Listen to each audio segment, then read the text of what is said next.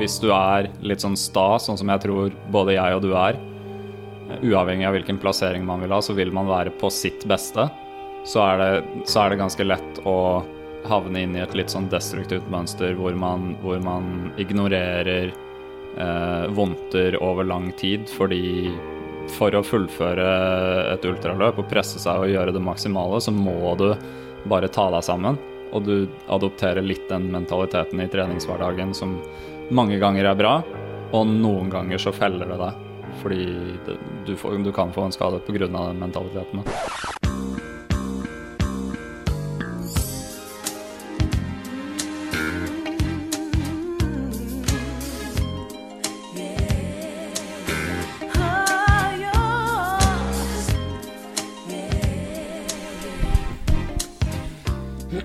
Ok, vi ruller. Vi ruller. Ok, Askild. Hei. Uh, skal vi bare ta og ønske lytterne velkommen til dagens episode? Velkommen til dagens episode. Eh, dagens episode handler om uh, skader. mm. Og uh, hvilke skader er det vi skal snakke om? Jeg tror vi skal snakke om litt av hvert. Ja. Jeg tror vi skal snakke om erfaringene vi har hatt med vår skade, som har vært noe crap nedi foten. Litt plantarfasitt og litt uh, Akilles tendonitt og Ja. litt sånn diffuse impingement-syndrom. Sære greier. Ja, så hvis man uh, sliter med det samme, så kanskje man uh, finner oppskrifter på hvordan man blir frisk, til og med. Mm. Jeg posta jo på Instagram Jeg prøvde jo liksom å, å trykke på den promoter-knappen. Og da skrev jeg jo i innlegget et eller annet med at hvis du sliter med planta plantarfasitt, hør på denne episoden her, og så får du liksom oppskrifter på hvordan du kan bli frisk. Og da ble den tatt ned av Instagram, fordi at det var liksom eh, Hva heter det? Kvakksalveri. Jeg, jeg skjønner greia, fordi det er jo mye kvakksalvere der ute. Men jeg, jeg, du kan stole på at vi kommer ikke med noen magisk løsning som ikke har noe basis i noe sannhet. Nei. Vi kommer med våre erfaringer og forslag til uh, hva du kan gjøre, og det er, det er god info. Basert på forskning og anekdotisk bevis. Det stemmer. Ok, så da er på en måte uh, det sagt. Uh, det er jo da hva det er sånn tre-fire uker siden vi spilte inn denne episoden. Ja. Eh, og nå har vi nå vært ute i skauen og løpt en økt på Ja, vi varma opp, og så løp vi to drag på eh, 35 minutter. 25. Nei, 25. 25. Eh, subterskel Ja. på grus. Um, du kan jo eh, dele litt med lytteren, da. eh, for da Det vil jo da si at du er jo litt sånn back on track, da. Ja, jeg så, så vidt begynte å komme dit. Og sånn som den økta i dag, det, det er sånn som uh, Jeg blir veldig glad, så blir jeg samtidig litt sånn spent. Sånn uh, i morgen, hvordan uh, reagerer den foten min på det? Men eh, det kjennes ut nå som som det skal være mulig å fortsette den opptrappinga jeg har starta. For nå eh, var jeg på rundt en 45 km forrige uke, og nå har jeg tenkt å opp mot 60 kanskje denne uka her, med løping. Og så supplerer jeg med, med sykkel ved siden av. Jeg kan da fortelle lytterne at eh, jeg er oppe i 140, Oi! så da Da er jeg veldig fornøyd med å klare å holde følge med deg. Ja. uh, ja. Uh, så da, måte, da, da har dere allerede hørt hvordan det gikk med oss. Eh, og så kan jeg fortelle det at nå sitter du med en ryggsekk ved siden av deg som er stappfull av capser. Og det er noe det alvor-capser. Rett og slett merch til podkasten. Som jeg nå skal ut og eh, Jeg skal til, eh, til postkontoret, og så skal jeg sende det ut til dem som har bestilt. Eh, Jeg har fortsatt mange igjen, faktisk. Så hvis folk er gira på en 'Nå er det alvor'-caps til jul, eller før jul, så er det bare å klikke seg inn på den der linken i Ja, kanskje det er den der linken i bioen på Instagram. Eh, og så eh, bare Så sender jeg det i posten. Det får plass på i en sånn her eh, liten konvolutt. Nå er det alvor-caps, er jo vinn-vinn nå. Jeg syns jeg har sett 'nå er det alvor' i sånn 20 overskrifter på NRK i det siste. Så det er jo gratis reklame for deg, og dobbel betydning med capsen. Ja, ikke bare, ikke bare for covid, men det er også brukt for han Ole Gunnar Solskjær. Ja, det var det også, ja. Ja. Nå er det alvor. Nå går det til helvete Eh, ja, og så er um, de her episodene som er um, nå kommer ut på, Inst nei, på, på Spotify og uh, der man hører podkasten gratis, da. Uh, dem er, denne episoden er sponsa av uh, Bruce. Bruce, som tidligere het Combine. Har du brukt det? Nei. Nei. det er den det er? appen hvor du kan bruke på klatresenter og treningssenter og diverse. Ja, er egentlig alt bortsett fra Sats og Elixia. Mm. Så det er jo et eh, abonnement du kan bruke til å komme deg inn egentlig på alle treningssenter, nesten. I hvert fall Oslo og Bergen. Mm. Eh, Så det, mm, det gjør jo at du kan trene ufattelig allsidig. Mm. Du kan liksom, På samme dag kan du klatre og trene yoga og løfte vekter og spinne. Bare ikke gjør alt på en gang, Nei. så går det bra. Jeg hadde en dag i, for tre år siden. eh, Jeg var litt sånn skada, og så tenkte jeg sånn her Ok, i dag istedenfor at Siden jeg ikke kunne løpe langtur, så skal jeg gjøre alt på en dag som jeg har mulighet til å gjøre, bortsett fra å løpe. Så jeg, eh, og da var det også sånn perfekt med, med at det ikke var snø ute, men det var kaldt. Mm. Så jeg kunne gå på skøyter. Jeg kunne gå på ski på, på, på kunstsnø. På, I det snøanlegget. Ja. Mm. Og så kunne jeg skate. Eh, Jeg kunne sykle mellom anleggene. Mhm. Eh, Jeg kunne dra på treningssenter og, og trene eh, og sykle. Eh, Og så tror jeg jeg avslutta dagen med å klatre. Og da skulle jeg ønske at jeg hadde Bruce. Ja. Mm, det hadde jeg ikke, så jeg ruinerte jo meg sjøl på den dagen der. Men ja, den er sponsa av Bruce, og det er bare å laste ned appen Bruce. Det er bare å gå på AppStore eller Google Play, Mm. søke på Bruce. Det staves på samme måte som han Bruce Lee. Bruce Lee. Bruce, ikke, ikke Bruce, eh, Bruce som i solo, Nei. men eh, Bruce uh, Willis, eller ja. Og så er det bare å laste ned, og så når dere har meldt dere på, eller på en måte ordna abonnement, jeg tror det koster 699, så går du inn i chatten, og så skriver du ned da. Da får du da 50% avslag på første måned. Mm.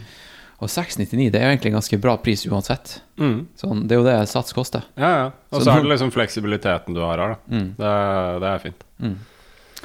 Så det passer egentlig perfekt til dagens tema også, skader. Fordi Mm. da kan du egentlig Når du ikke kan løpe, kan du eh, gjøre ufattelig mye andre ting. Mm. Så da skal vi bare starte dagens episode. Ja, det Skal vi bare gjøre det? Jeg har, jeg har jo en sånn her gigantisk eh, gongong borti hjørnet. Ja, Kanskje vi skal ta og gå og, og, og slå på den? Ja, vi går og slår på Ja. den. All right. Da, da gjør vi det. Du har ikke det.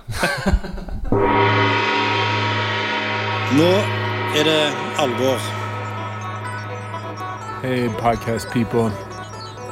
I said earlier the only thing holding me back was my feelings. Now it's my gastrointestinal system and my feelings. But guess what? They're connected. Welcome to Now Is It Alvor with Hans Christian and friends. We're going to be the best podcast that you ever did hear. we're going to thrill you, we're going to teach you, we're going to entertain you. Like Britney Spears once said, there are those of us who observe and those of us who are here to entertain. And we're here to entertain you, bitch. Hallo,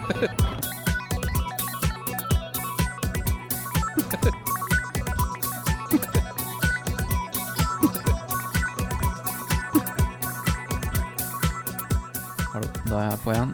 Jeg er på én, og du er på to. Kan du bare eh, si hva du heter, og hva du spiste til frokost? Jeg heter Askild Vatnbakk Larsen, og jeg spiste bananbrød til frokost.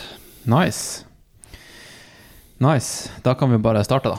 Mm. Flying start. Flying start. Eh, som jeg faktisk tenkte på mens jeg sprang i stad. Det er da det blir best tider. Ja. I hvert fall på segmenter. Jeg, jeg bare tenkte på Når jeg, jeg drev og sprang Jeg sprang jo sånn her eh, ti ganger 1000 mm. nettopp.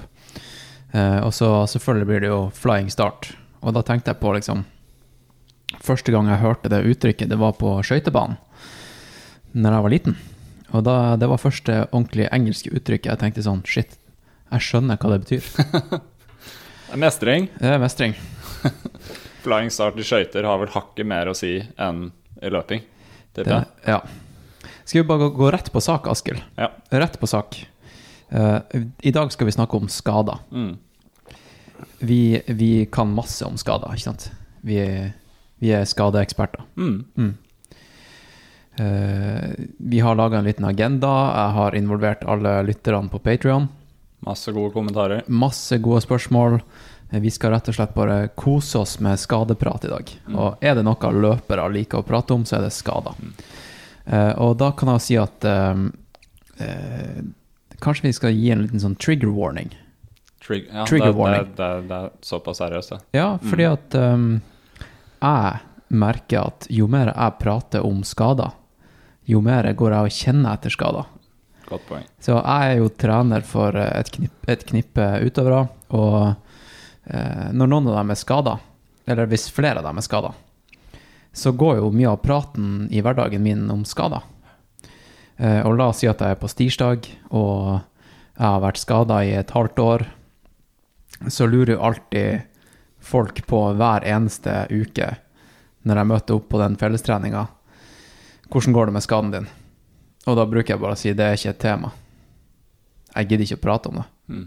Jo mer du prater om det, jo mer skada er du. da. Det blir en identitet Mm. til slutt. Så um, ja. Har du sett, um, har du sett uh, Karsten og Leif, Ja. som har vært på NRK? Mm.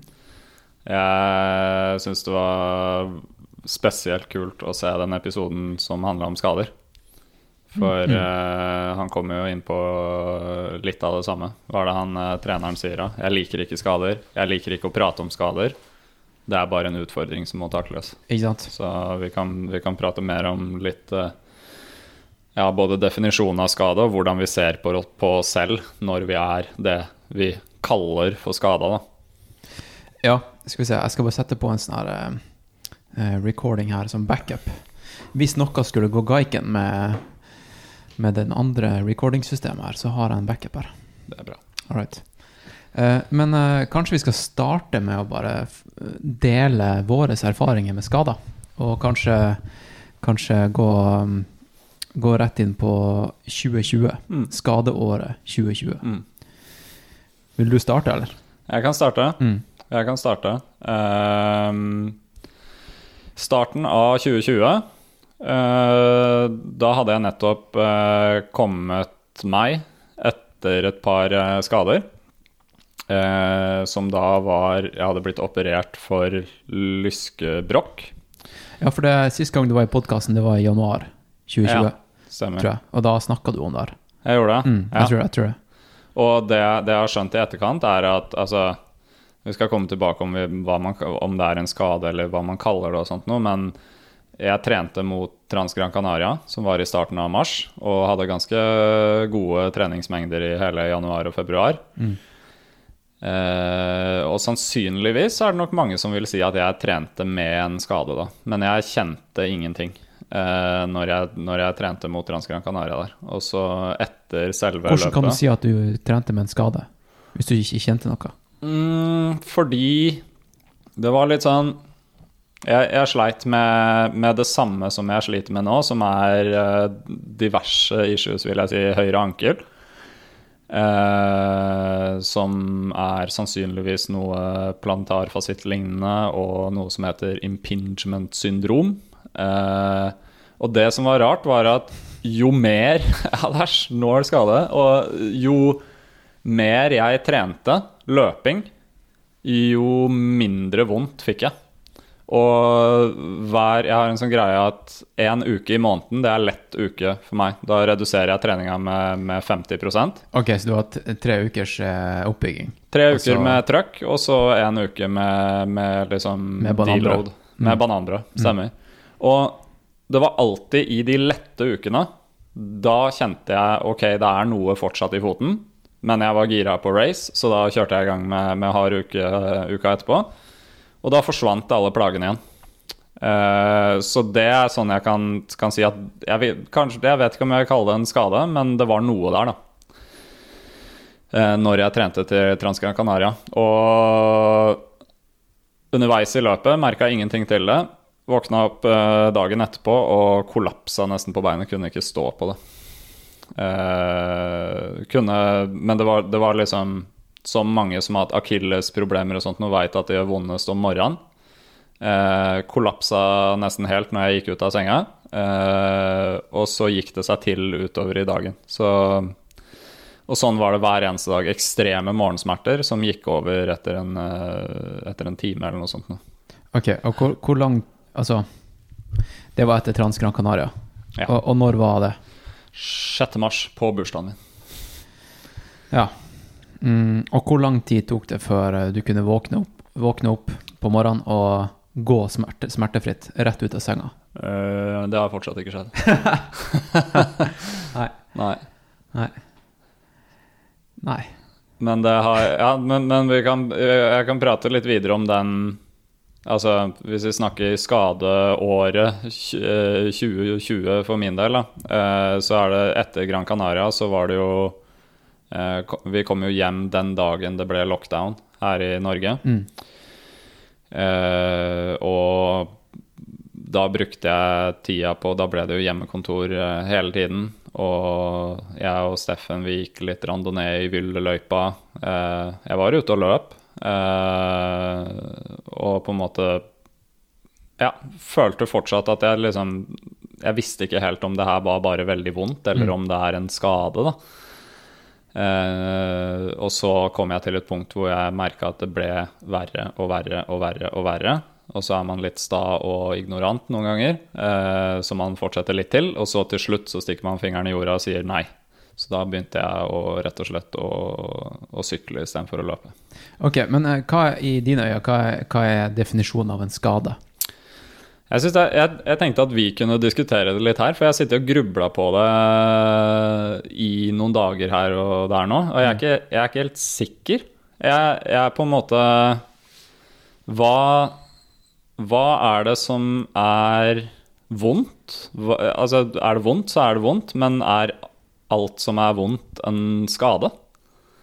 Uh, Man må vel kunne skille mellom en subjektiv skade og en objektiv skade, ja, tenker jeg da. Altså et, et, eh, et rettighetsbrudd, et brudd, ja. det er en skade.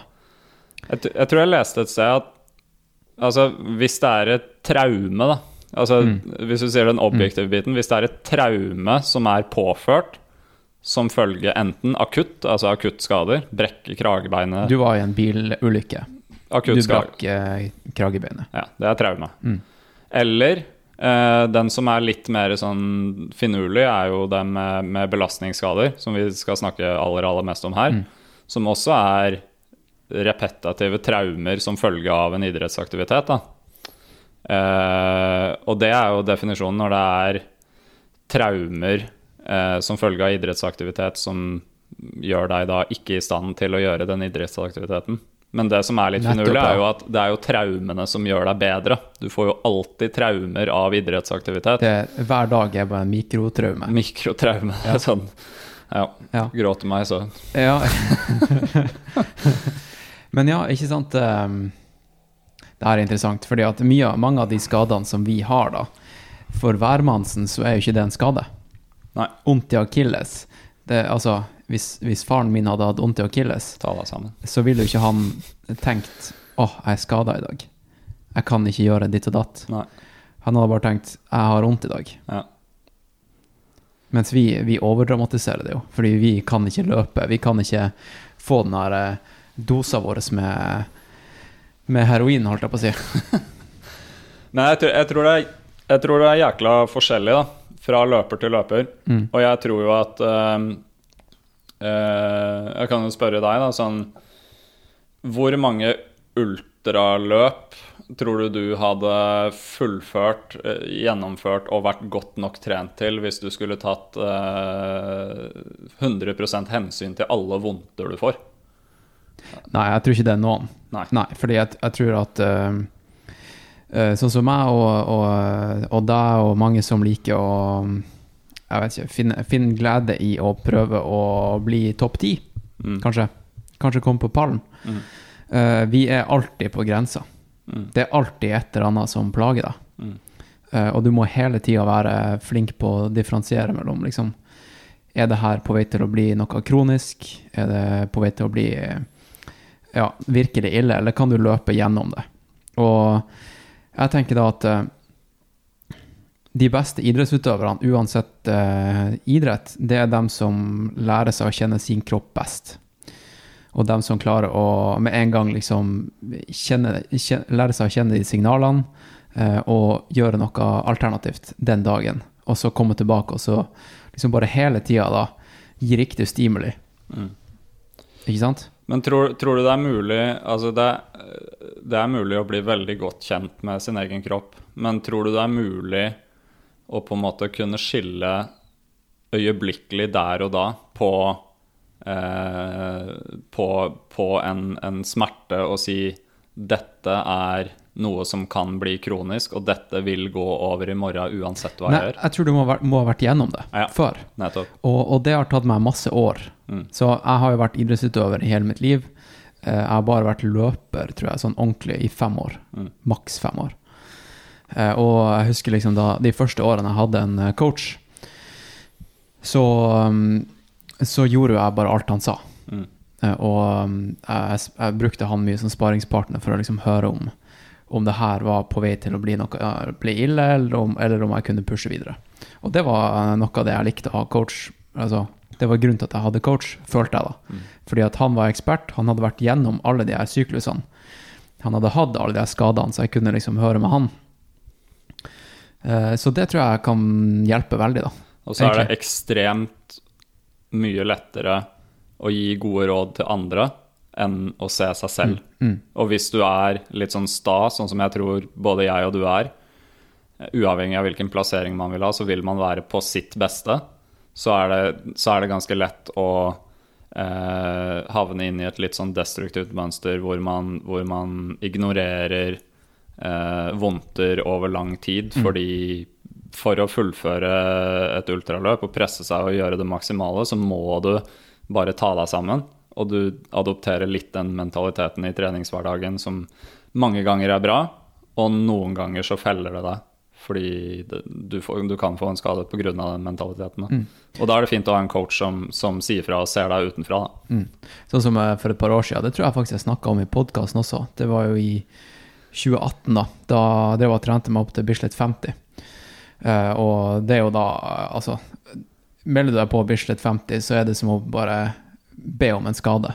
Ikke sant? For at vi, i hvert fall vi som, som liker å springe på sti, og plutselig skal du liksom dunke jeg vet ikke hvor mange runder inne på, på betongen Nok.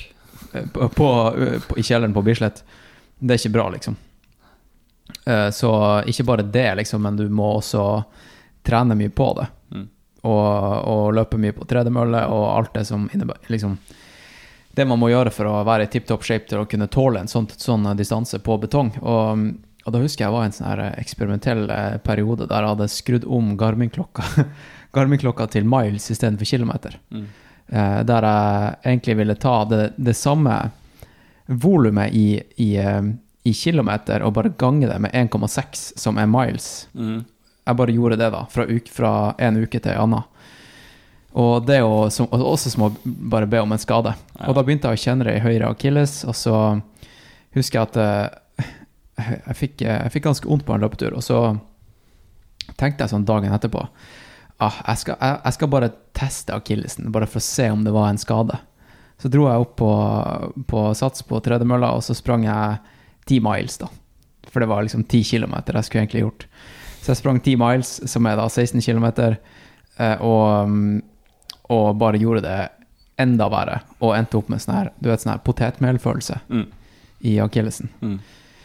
Uh, og da, det vil jeg si da er en skade, for du har dritvondt, og du kan ikke løpe. Mm. Det er en skade. Mm. Jeg, kan, jeg kunne ikke gjøre den aktiviteten jeg eh, liker å gjøre mest her i livet. Mm.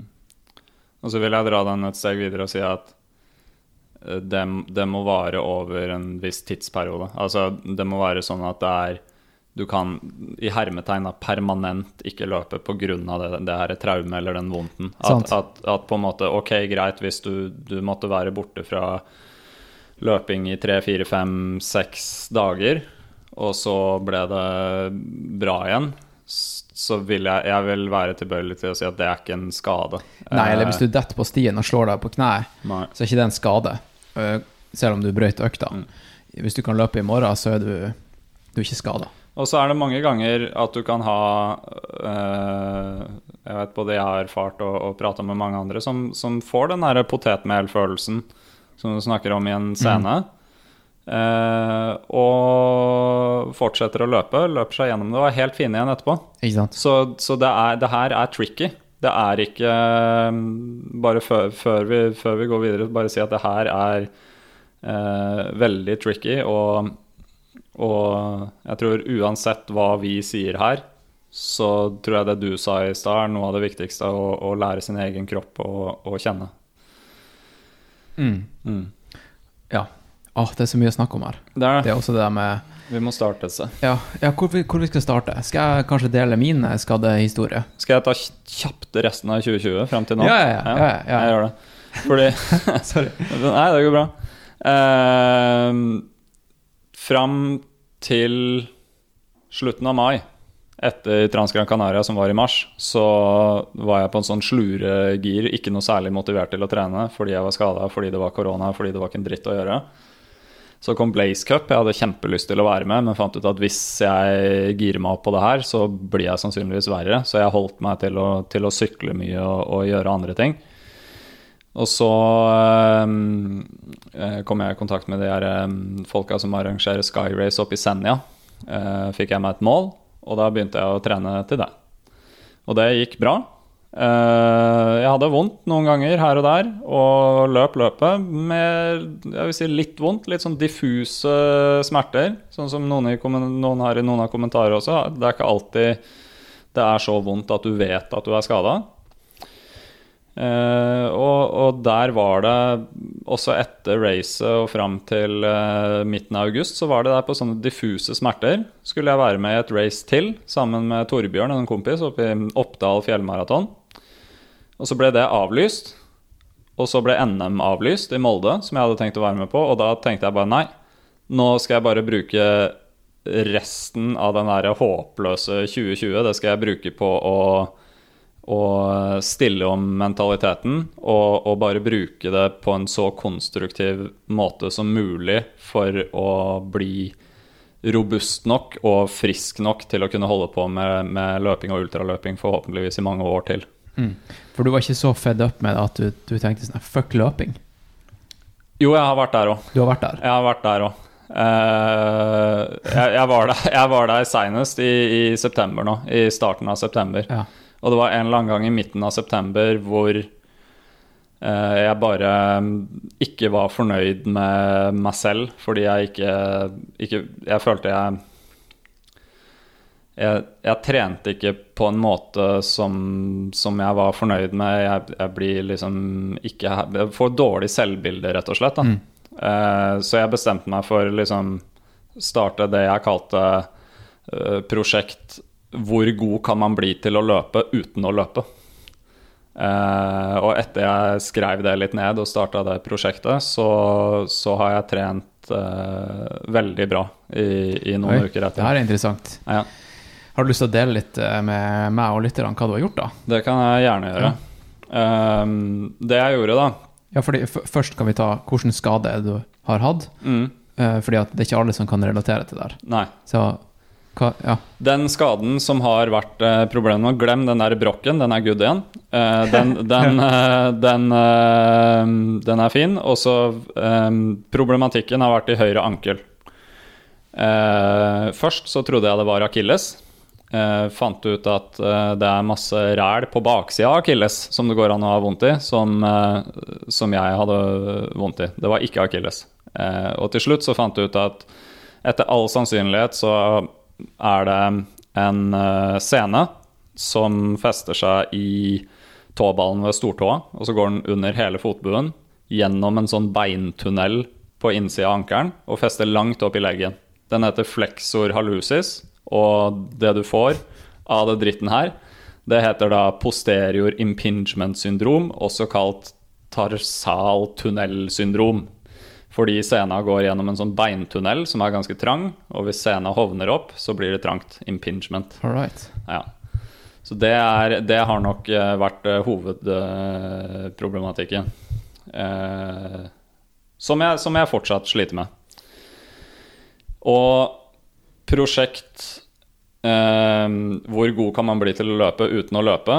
Eh, da gikk jeg rett og slett gjennom hva Altså igjen litt tilbake til den derre Jeg også tenkte når jeg så den der Karsten og Leif-dokumentaren Jeg syns det var én ting han treneren sa som var så fint, og det er du, du sitter med et sett med kort på hånda.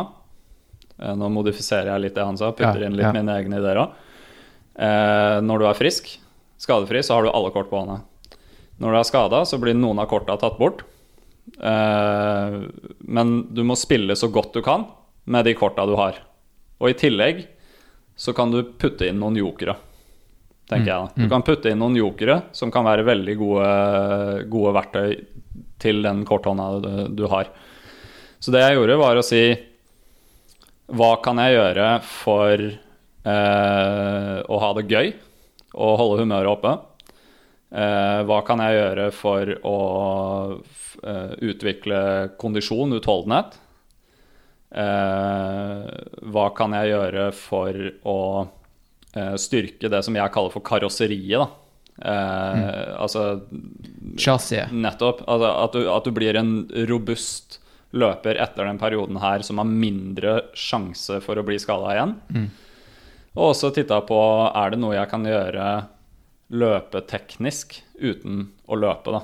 Er det noe nytt jeg kan prøve eh, som kan være med på å utvikle løpeteknikken min selv om jeg ikke kan løpe? Og så putta jeg inn det her. Det ble da eh, for å holde humøret oppe og for å, for å eh, bedre kondisjon og utholdenhet sykkel. Det var min greie der. Eh, karosseriet. Eh, tung, maksimal styrketrening.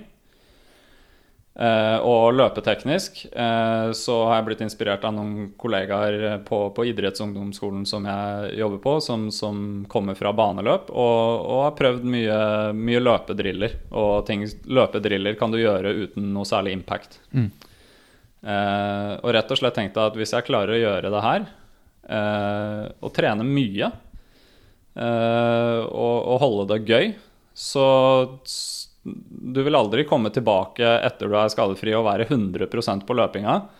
Men med de verktøyene her så kan du komme tilbake igjen og være bedre kondisjonstrent enn du var før du var skada. Eh, og det er jo et kjempeutgangspunkt. Mm. Istedenfor å si 'jeg er skada', og når jeg er skada, så må jeg begrense meg veldig, da. Det er sånn Når man sier at man er skada, så tenker man jeg må begrense meg, jeg må hvile mer. Eh, formen kommer til å bli dårligere.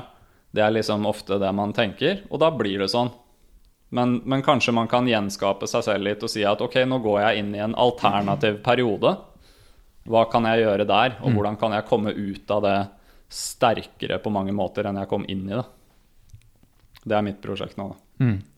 Og hvor er du der, da, tror du, sånn i tidsforløpet? Er du halvveis? Er du i starten? I forhold til når jeg blir bra i foten igjen, så vet jeg ikke. Har du gitt deg sjøl en deadline? Eh, nei, jeg, jeg har ikke gitt meg selv en deadline helt bevisst for at, uh, for at jeg ikke skal gå på en smell og gjøre sånn som deg og gjøre alle kilometer om til miles og, og, og begynne altfor fort igjen.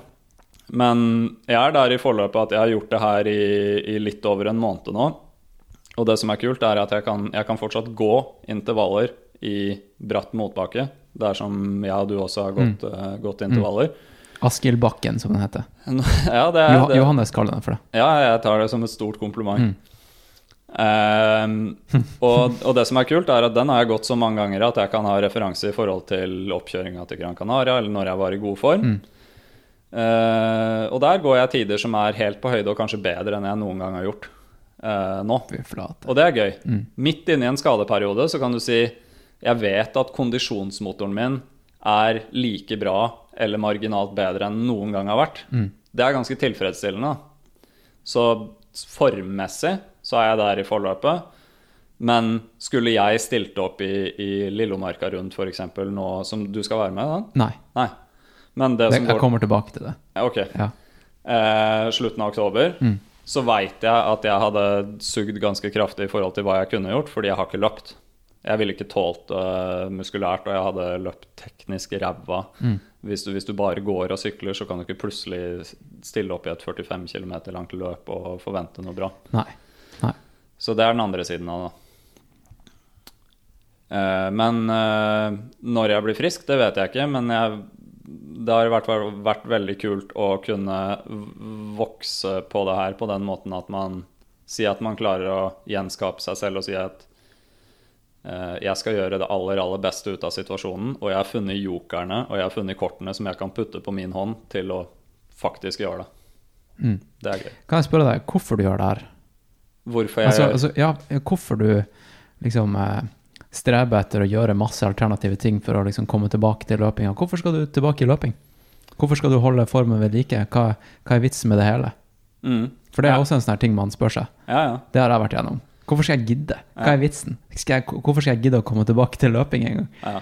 Der, der har jeg et veldig, veldig klart svar, og det, det er det at jeg gjør ikke det her kun for å komme tilbake til løping. Jeg gjør det fordi når, når jeg sitter på slutten av dagen, eller på slutten av uka, og har eh, Altså, så stor del er trening av livet mitt, da, og av selvfølelsen min også, at eh, jeg sitter på slutten av dagen og føler meg bra med meg selv. Og det trumfer det eh, å måtte løpe på Gran Canaria eller andre steder. sånne ting. Så, så rett og slett bare den indre tilfredsstillelsen av å eh, utnytte hele potensialet sitt. Eh, det er derfor jeg gjør det. Mm. Men er- løping den formen for aktivitet du ser på som den ultimate aktiviteten? Er det derfor du vil tilbake til løping? Eller hvorfor er du ikke bare tilfreds med å liksom si ok, men da blir jeg syklist da, en periode? Det har jeg også tenkt på. Mm. Eh, Hvorfor, hvorfor er løping det som er Grunn, altså jeg har blitt veldig glad i løping nå. Eh, og der tror jeg eh, grunnen til at jeg, jeg funderte på å bli syklist igjen, for da blir man ikke like mye skada. Eh, grunnen til at jeg ikke har lyst til å gjøre det, er fordi jeg har vært på et høyt nivå i sykkel, og jeg kommer til å måle meg opp mot tidligere prestasjoner hele tida. Og jeg har ikke lyst til å bli skuffa hele tida. For det er, eh, da må jeg bruke for mye tid på det. her. Mm. men jeg har f.eks. vurdert og prate med kompiser som driver med triatlon, og har veldig lyst til å f.eks. Eh, se på alternativ for å dele opp sesongen og være med i Sette meg ut Trollveggen triatlon og i Åndalsnes, som er Der er det jo fjelløping på Ja, slutten. Akstri også. Akstri er jo dritfett. Jeg har vurdert å- å, å gjøre det. det? Mm. Ja. Ja, det er jo, ja, det, er jo det avsluttes jo eh, Altså, du, du svømmer i fjorden, eh, og så eh, sykler du over Ørlandsfjellet, over til eh, Ja, og, og frem og tilbake, da. Mm, Så det er vel sånn 1400 høydemeter hver vei. mm. Eh, og så kommer du tilbake til Aurland, eh, Aurlandsvangen, og så springer du da opp. Eh, Det ser vanvittig fint Ja. ut. Altså. det er helt crazy. Så det, den, eh, den vurderer jeg, men um, ja, jeg kan jo fortelle deg også hvorfor jeg ikke skal gjøre den Ja, etterpå. ja da, nå, nå ble jeg nysgjerrig. Ja, Ja. for det er ting som skjer her som jeg ikke har fortalt deg. Oi, oi, oi. oi. Nei, nå ble jeg nysgjerrig. Ja. Men, men jeg, Ja. bare den siste jeg skal si om, si om den, er at um, Og det er bare kudos til både løping som aktivitet og det miljøet som, som vi har. Shout-out til løping. Shout-out til løping og shout-out til Skyblazers og hele miljøet her er at uh, det er noe med simplisiteten uh, rundt det. At du ikke trenger utstyr. Eh, på samme måte som når jeg kommer fra sykkel, så er det ekstremt mye utstyr. Mye som kan gå galt med utstyr, det er dyrt, sånne ting. Som, som jeg har blitt litt forelska i. Og ehm, ja, rett og slett miljøet rundt det som gjør at jeg har en, jeg har en drive for å komme tilbake dit, men det er ikke, det er ikke for enhver pris. Altså, Nei, nei. Jeg gidder ikke begynne med det igjen hvis det betyr at jeg blir skada igjen og igjen og igjen. Nei, det skjønner jeg. Det er jo noe med det med i hvert fall vi som, som liker å springe langt, da. Er jo det at det er fort gjort å bli skada. Ja. Vi er, altså jeg og deg, vi er ikke tilfreds med å kunne løpe tre kilometer om dagen. Nei, Det er ikke nok. nei, Ikke sant? nei, nei. Det er ikke det. Det er ikke nok. Selv om, sånn som de der eh, Det er bare morsomt når du sier på distanse. For jeg kjørte en hardøkt i går i okay. den der eh, brattbakken. Ja. Og Da kjørte jeg ganske hardt. Kjørte jeg fem ganger opp og ned. Og da har jeg holdt på i litt over en time. Og så ser jeg på klokka. Da har jeg da løpt, eller gått, da. eh, 2,9 km. Mm. Uh, Bruker du noe vektvest, eller har du noe i sekken? Nei. Nei. Det har jeg ikke gjort. Orker ikke. Jeg vil, meg, jeg vil ikke meg selv så vondt. Nei. Men du har drevet, gått opp Jeg har sett deg gått opp alpinbakker med trestokker og Ja, jeg liker å eksperimentere. Ja, det er gøy. Eh, og også den eh, opp med Grefsenkollen har jeg i skadeperioder kjørt eh, Når jeg ikke kan løpe løpet, Mm. så har jeg eh, båret stein. Mm. Så jeg har gjort intervaller Det høres helt sjukt ut. Men jeg har sekk, da. Mm. Eh, og så en ganske robust sekk. Og så har jeg stein i sekken, eh, som jeg tar med meg fra bånn av bakken. Og så legger jeg, og bygger, altså legger jeg stein på stein på stein hver gang jeg kommer til toppen. Eh, kanskje jeg tar med meg én stor stein om gangen. Eh, og når, da, når jeg da er ferdig med la oss si ti intervaller, så har jeg da bygd en ganske heftig sånn pyramide. ikke sant? Mm. En liten varde. Mm. Og eh, det er ganske sånn tilfredsstillende å liksom se at du har løfta de her Mm. Bært de steinene fra bunn til toppen. Ja, kult. I tillegg da, så får du jo ganske bra muskulær belastning. Ja. Og, og, og, men du får ikke samme nedover. Nei. Så hvis du, hvis du legger dem igjen på toppen, så er det jo da kjempelett å løpe ned. Mm. Og så kan du gå opp og løpe ned. Jeg, jeg digger kreativiteten. Mm. Det er, det er veldig kult.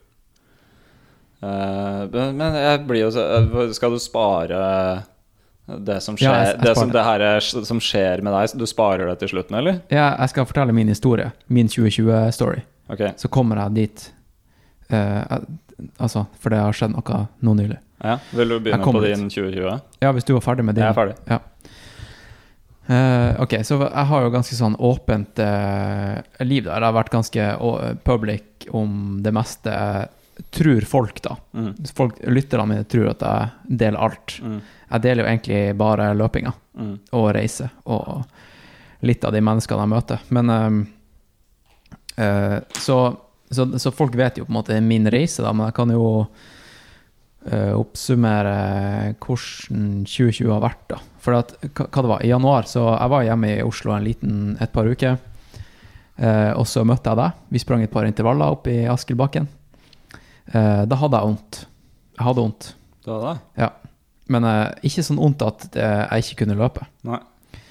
Eh, jeg hadde hatt vondt kanskje i um, over et halvt år eh, i akilles. Men, men da bare sånn her På en smerteskala fra null til ti så var jeg på kanskje en toer. Mm. Ikke sant? Litt Sånn diffuse smerter? Ja, diffuse Ja. smerter. Og så mm, Og så dro jeg da til eh, Gran Canaria eh, og kjørte den her treningsleiren med, med alle de gærne ultraløperne. Og eh, da var det jo da først, eh, først dro jeg dit, hadde ei uke for meg sjøl. Bare sprang helt ufattelig mye. Og, og ja, det var helt crazy. Eh, og, og så kom da den første gruppa. Så sprang vi ufattelig mye ei hel uke. Og så hadde jeg da ei uke fri fra å være trener og guide, eh, og sprang ufattelig mye igjen. Og så kom det en ny gruppe, og så sprang vi ufattelig mye i ei uke igjen. Så hvor mange Også, uker med ufattelig mye? Tre? Det, var fire uker. Fire uker med Ja. ufattelig mye. Og så, og så sprang jeg da med, med veldig minimalistiske sko Mm. i tillegg. SL? Ja. Mm. Uh, men fortsatt da sånn at liksom Jeg våkner opp ganske stiv i, i hælene og, og akilles, og, og det går seg til, liksom. Man tenker hver morgen liksom oh fuck, i dag kan jeg ikke løpe. Og så går det en halvtime. Du har spist frokost, du har liksom gått litt rundt. Det er greiene er helt utrolig på det der. Ja, det så er dritvondt i det ene øyeblikket, så Ja. er det over. Og sånn er det nå også, faktisk. Ja. Uh, men uh, jeg kommer tilbake til det. Uh, men så hver dag, da, så var det sånn her eh, Å nei, jeg kan ikke løpe. Og så Shit, jeg kan jo løpe. Og da drar jeg ut og springer. Og så, så hadde jeg jo um, Ja, på, på tampen av denne Gran Canaria-turen så knuste jeg jo trynet. Ja. Og så dro jeg til Chile dagen etterpå. Eh, og Det er det folk flest pleier å gjøre når de knuser trynet. Da Ja. drar du til Chile. Da drar du til Patagonia.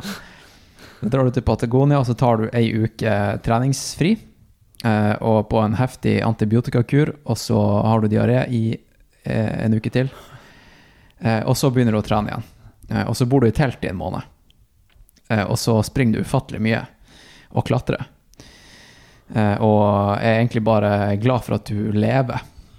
Eh, Så det å ha vondt i akillesen er ingenting i forhold til eh, det å, eh, å, å komme unna Altså, jeg trodde jeg hadde fått en, en hjerneskade, Mm. og at jeg var blind på ett øye Mm. da jeg lå der og hadde Og ble ja, helikoptra ut av fjellet på Gran, Gran, Canaria.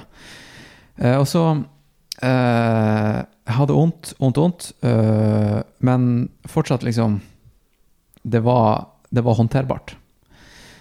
Og så skulle jeg jo da egentlig til, eh, til Japan og gjøre den her uh, ultratrail Mount Fuji, ikke sant? Eh, Men så, så ble eh, hele den turen der avlyst pga. korona. Og da, det var jo den perioden alle trodde at korona det var bare noe de der borte i Asia hadde. Nå er vi i slutten av februar, da? Ja. ja. Ja. Og så, um, så dukka det opp en mulighet for å gjøre en FKT eh, på 7,5 mil i fjellet i Patagonia. Eh, og så gjorde jeg det. Eh, stor suksess. Jeg husker siste mila kanskje var på asfalt, og da var det sånn au, au, au, au, au, au. Men eh, jeg klarer det. Eh, helt fantastisk tur, så de, de eh, vondtene var liksom ikke noe stress. Eh, og så um, så endte jeg opp da med å dra tilbake til Norge pga. korona, ikke sant. Eh, det sto jo mellom å bare bli i Chile og, og bare se han an, og liksom se om korona Bare forsvant. forsvant eller ikke. Men eh, jeg endte opp med å dra til Norge. Eh, og så Den leiligheta som vi sitter i nå, da, på Disen, den var jo da leid ut i eh, et år. Eh, jeg hadde en kontrakt som gjorde at jeg ikke kunne bare flytte inn. Så jeg flytta inn i en hybel på Nordstrand. Eh, Der det var steingolv, iskaldt, og det var fem kilometer til stien på asfalt og grus. Og jeg sprang fortsatt i ganske minimalistiske sko. Eh, Så mm, hadde jeg Ja, jeg hadde fortsatt liksom vondt, da. Eh, Men så bare Så gjorde jeg hele den komboen her, da. Liksom stresset med korona, ikke ha et ordentlig sted å bo, eh, løping på asfalt med minimalistiske stisko. Hele pakka da bare gjorde at uh, akillesen min bare streika, og jeg fikk plantar fascitt på høyrefoten fordi at uh, jeg sprang annerledes. Akillesgreiene var det på venstre eller Venstre. venstre? Så fikk jeg plantar fascitt på høyre, og da var det liksom bare Da var hver morgen en pain. Og det var egentlig plantar fascitten som, som, som virkelig var faresignalet. Fordi det, da sier de jo sånn her Å nei, da du vet Enten så går det en dag, eller så går det et år før du blir frisk. Ja. Mm. For å bare sette det på spissen. Eh, og så da, da prøvde jeg ut eh, masse nye sko og sånt, eh, og så Det så ikke ut til å fikse det, og så kom Blaze Cup. Og så gjorde jeg et siste støt på stirsdag, og bestemte meg ganske fort da om at liksom fuck it, jeg gidder ikke å løpe Lillemarka rundt, jeg gidder ikke å løpe Lillo Trail-stien. Jeg bare Jeg bare tar alternativ trening nå. Så jeg hadde eh, Jeg hadde en romaskin til rådet, liksom, der, der jeg bodde. Rodde ufattelig mye. Ble dritbra ro, roshape. Eh, jeg lagde meg sånne små mål om å liksom bli, bli dritsterk i overkroppen. Begynte å eh, ta masse sånne her, eh, burpees, for det hadde jeg aldri gjort før ordentlig. Mm. Eh, og, ja, jeg ble dritstøl og bare mm, hadde sånn her eh, Folk kommer til å tenke at det er sånn OCD nå, men jeg bodde jo alene i, da det var lockdown, ikke sant? Mm. Langt ut på Nordstrand. Eh, Det var en sånn gammel avis i, et, eh, i en sånn aviskurv eh, sånn kurv der, med sånn her eh, kryssord. Mm. eh, uløst kryssord med masse ruter. Så for meg da, så betydde hver rute, når jeg kryssa av en rute, det betydde at jeg hadde tatt ti, eh, ti burpees. Mm. Så hver rad hver dag skulle være utfylt. Mm. Det ville bety eh, minimum 100 burpees Mm. om dagen. Eh, og eh, i tillegg da så rodde jeg en time om dagen, og eh, jeg gikk turer. Det var liksom, det var det jeg gjorde for å holde meg sjøl sane, ikke sant. Uh, ingen løping, uh, en god periode, og så, så ble det liksom ikke bedre. Og så begynte jeg å løpe litt igjen, og så ble det bare verre. Uh, tilbake til å ikke gjøre en dritt, og så prøvde jeg å løpe igjen, så ble det bare verre igjen. Så frem og tilbake, ikke sant. Jeg blir Og- mer og mer spent på hva som skjer mot slutten av denne historien. Ja, ja, men liksom eh, Her var det da en sånn her eh, Det reiv og sleit i meg, liksom. Det der med Skal jeg løpe litt, eh, og så får jeg et heftig tilbakeslag? Eh, eller skal jeg bare sette alt på vent eh, og se om det blir bedre? Og, og vil, liksom, vil hvile fik fikse det? Eller vil alternativ trening fikse det? Eller kan jeg løpe gjennom det? Alle de, det er jo sånn Jeg holdt på å si gyllen triangel. ikke sant? Enten så sier du fuck it, og ser hva, og ser hva som skjer. Eller så prøver du å gjøre noe annet. Um, så jeg endte opp da med å, med å, med å kjøpe en sykkel. Mm. eh, og heive meg på den der bikepacking-trenden. Og rett og slett bare bikepacka meg rundt i Norge i to-tre måneder. Eh, og løp stort sett altså nesten ingenting. Og før det her da, så hadde jeg vært hos fysio og fått trykkebølgebehandling, og jeg fikk beskjed om å gjøre tåhev. Jeg fikk eh, nesten, Jeg tror han sa noe sånn her eh, Ja, tre ganger tolv, eh, to ganger i uka, et eller annet sånt her. Men han, han sørga ikke for at jeg gjorde det. Altså, jeg gjorde det, men jeg liksom Jeg, jeg fulgte det ikke opp. Det, var, det ga meg ikke nok. Han, han, eh, han ga meg liksom ikke en gulrot. Nei. Eh, Jeg så aldri lys i tunnelen. Så jeg, jeg endte opp med å bare si fuck it til slutt, og bare begynte å sykle. Og siden det ikke var noe race på Altså, alle race ble jo bare kansellert, og eh, mot- løpemotivasjonen stupte uansett, og jeg tenkte shit, jeg har alltid hatt lyst til å, til å bli flink liksom begynne å klatre ute ordentlig.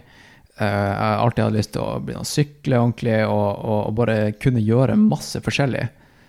Uten å føle at jeg måtte løpe 100 miles i uka. Uten å føle at du neglisjerer noe. Ja, ikke sant? Ja, ja. det var, alt var bare sånn her uh, guilt-free. Ja. Bare dra ut der og ha det fett, liksom. Fuck løpinga. Så det var unntaksår, ikke sant? Mm. Uh, jeg hadde det dritfett. Uh, og bare sykla og um, ja, bodde i telt og, um, og fikk sett masse kriker og kroker i Norge som jeg aldri har sett før, som jeg også hadde hatt lyst til å gjøre. Men på en eller annen måte så hadde sikkert løpinga tidligere um, gjort at jeg ikke hadde fått gjort det. Fordi at uh, alle sånne reiser og sånt, det gjør at alt går på bekostning av treninga. Mm. Så man drar jo ikke på ferier rundt omkring i Norge. Man gjør jo ikke det. Mm. Til og med vanlige folk som ikke springer, gjør jo ikke det. Men eh, jeg fikk nå i hvert fall sett masse av Norge, jeg fikk uh, gått masse fete turer. Og sakte, men sikkert så begynte jeg å løpe litt. Og jeg merka fort at liksom, ting hadde egentlig ikke blitt bedre av å ikke løpe på et par måneder. Mm. Og da tenkte jeg sånn Shit, hva, hva skjer, liksom? Uh, hva, hvis ikke å ikke løpe fikse biffen, hva er det som, hva som funker da? Uh, Snakker du i hvert fall om at smertene ikke hadde gått Ja, opp? ja, ja. Eh, og da hadde jeg da ikke sant, eh, vært i sykkelsko, helt stiv såle, i to, to måneder. Mm. Og mm, ja, ok. Så fast forward, jeg er tilbake i Tromsø, min hjemby, og så mm, Og så ringer jeg da eh, idrettens skadetelefon, som jeg har brukt masse for. fordi at eh, med lisens i Friidrettsforbundet, så jeg har da utvida helse, helselisens, så, så får man da eh, masse, masse sånn hjelp på, på forsikringa. Eh, som type fysio, eller eh, jeg vet ikke, hvis du blir skada, så får du hjelp, da. Du får liksom eh, Du har et visst beløp til, til rådighet du kan bruke på, på rehab. Uh, så da sa de eh, dra på K24 i Tromsø. Der får du hjelp. Så jeg dro dit, og tilfeldigvis var det en eh, barndomskompis av meg som eh, var fysio Mm. der. Shouta til Robert. Robert? Uh, og uh, jeg tenkte sånn Nei, det her kan bli awkward hvis han skal begynne å kna på meg. Fordi vi har liksom vokst opp sammen, ikke sant. Hvor awkward kan det bli? Ble det awkward? Nei, det ble ikke det. Nei, bra. Eh, og så, eh, så sa han da eh, Nå skal du rett og slett eh, på et ganske heftig tåheveregime. Mm. Og eh, jeg skal sørge for at du gjør det. Eh, og her har du et treningsprogram. Her har du et skjema som du skal fylle ut. Og det skjemaet da, det er utvikla av Nimi. Og det så du, jeg viste deg tidligere i dag. Og det, det er sånn her Du loggfører alle treningsøktene dine, du loggfører hva du gjorde. Eh, Du gir alt eh, en score fra 0 til 10, så hvor høy intensitet var det? Hvor lenge trente du? Og hvordan, eh, hvor på, på en, fra en skala fra 0 til 10, hvor mye smerte hadde du da du trente? Og, og, og da kan du da se i etterkant hvor mye smerte du hadde en dag til det neste, og da se det i sammenheng med treninga. Du får en ganske sånn fet kurve, ikke sant, på liksom For det her er sånne ting du glemmer hvis du ikke loggfører det. ikke sant? Så tenker du i dag har jeg vondt, ja jeg gjorde det i går, men to uker seinere så gjentar du det kanskje fordi du husker ikke. Ikke sant? Ja. Så, så også, det, også bare det å sette seg ned og skrive det ned, det funker også bare for å liksom Reflektere. reflektere rundt Ja. det. Uh, Så nå er jeg vel da på min femte eller sjette uke. Og, og det jeg kan si da, med det her tåheveregimet, så har det uh, tatt meg fra en, fra en smerte på fire, fire-fem på, fra null til ti, ned til en ener Mm. nå på uke fem. Eh, og, Og da er det hvor mye tåhev i uka? da er det tre økter, Mm. mm, der jeg bruker ca. 30-40 minutter. Med kun tåhev? med kun tåhev. Og da, da jeg begynte å, å legge det ut på Strava. Mm. Og, og da begynte jeg å få kommentarer av folk, liksom. Shit, Dårlig kilometerpeis. har du tatt tåhev i 40 minutter? Ja. Ja, Hva skjer? Hva er det for noe? Og, og hvorfor logger du det på Strava? Men jeg, tenk, jeg bare gjør sport på det. da. Ja. Og, og du, så, du så jo da eh, hvordan jeg gjør det da. Jeg kan jo fortelle deg hva Ja. som er programmet. Ja. Eh, så de, de første ukene eh, så, så var det vel eh, to ganger Nei, skal vi se To ganger 15 eh, på hvert, bein. Eh, og da Eller først starter jeg med statisk, der jeg bare står 45 sekunder. Med, med eh, Så høyt opp jeg kommer, da. Eh, Ja, du står så høyt du kommer, så ikke i 90 grader, men du går så høyt opp du Ja. kan, og så står du der i I 45. Okay. Det er sånn økta starter. Og da er det alltid på ett bein om gangen. Ja. Eh, Og så eh, tar jeg eh, Nå har jeg begynt med vekter, da. Jeg bare jeg tar kjøkken, eh, kjøkkenvekta, og så, og så legger jeg masse stæsj oppå alt jeg har i kjøleskapet. Eh, Øl, eh, vin, boks med Det er så tomater. cava der også. Ja, og, og dijon-sennep og ja, masse greier. Alt som liksom gjør at for hver økt så blir det ett kilo mer. Men så jeg legger det i sekken, da, og så, så tar jeg da Så i starten tok jeg to ganger 15 på hvert bein, der det er fire sekunder opp og fire sekunder ned per repetisjon. Mm. Eh, og så mm, og så da etter å ha tatt det to ganger 15 på hvert bein, så tar jeg da to ganger 15 med knekt, knekt kne.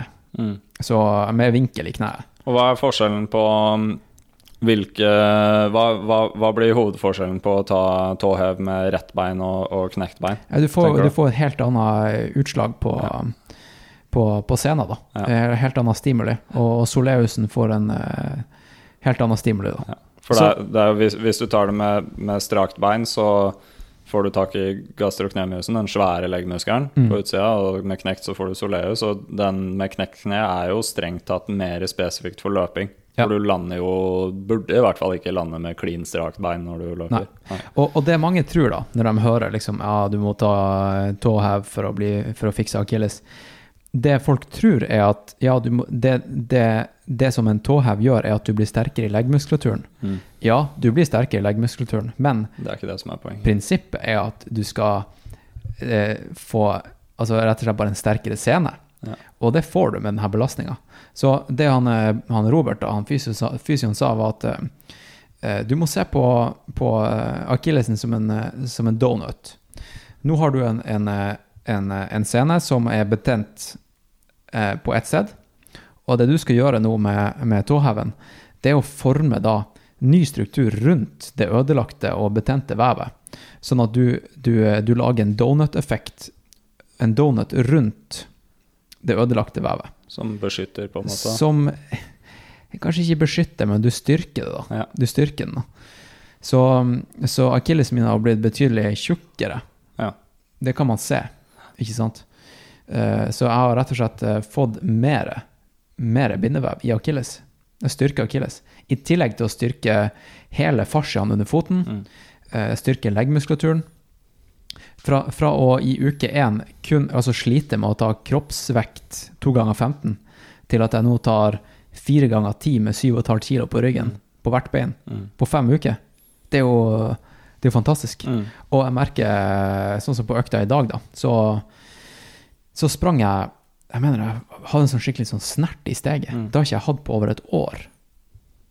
En sånn ordentlig sånn her, du vet i landinga, når du lander, og så bare har du ingen smerter, og du bare sparker ifra, og du føler at du flyr. Ja. Og, og det er det man sier, at eh, ofte når du blir betydelig sterkere i leggmuskulaturen og i foten, så får du et lengre steg. Fordi du er sterkere. Og alle vet jo at for å komme fortere fra, fra A til B, så eh, gjelder det rett og slett bare å eh, ha høyere frekvens og lengre steglengde. Da, går det fortere. Da går det fortere. Ja. Eh, Så, så det er på en måte min si, suksesshistorie Mm. for å bli frisk. Det er tåhev. Mm. Og også da ta eierskapet til tåheven. Og liksom, jeg, jeg har sagt nei til sosiale, altså avtaler, fordi at nei, jeg skal hjem og gjøre tåhev. Mm. Jeg tar det superseriøst. Ja. Og det her kommer vi tilbake til også, det med liksom eh, komboen med, med, med rehab-øvelser og hvordan det påvirker løpinga, Mm. og hvor mye det setter deg tilbake. Fordi at du fucker opp muskulaturen din i leggene. Mm. Du fucker opp eh, Altså, du river jo og sliter på, på både sena og muskulaturen.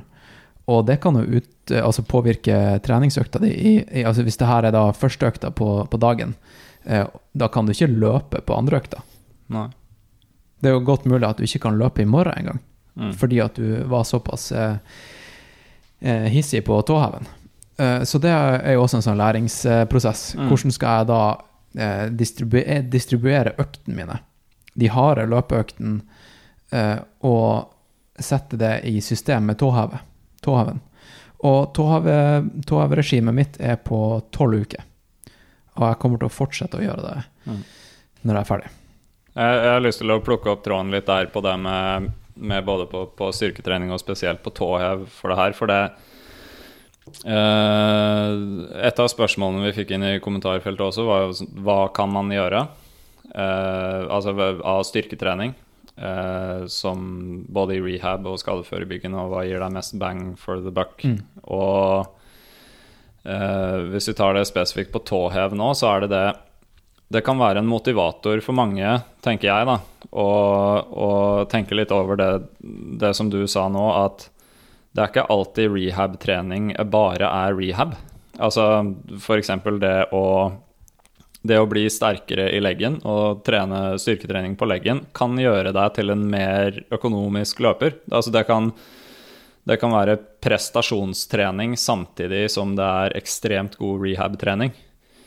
Eh, og også den som, som du merker nå med at du fikk en gulrot, og at du faktisk har kontinuitet i det over tid, det er hele nøkkelen hvis du har tenkt å fikse en sånn skade, eh, en eller annen patologi i en scene.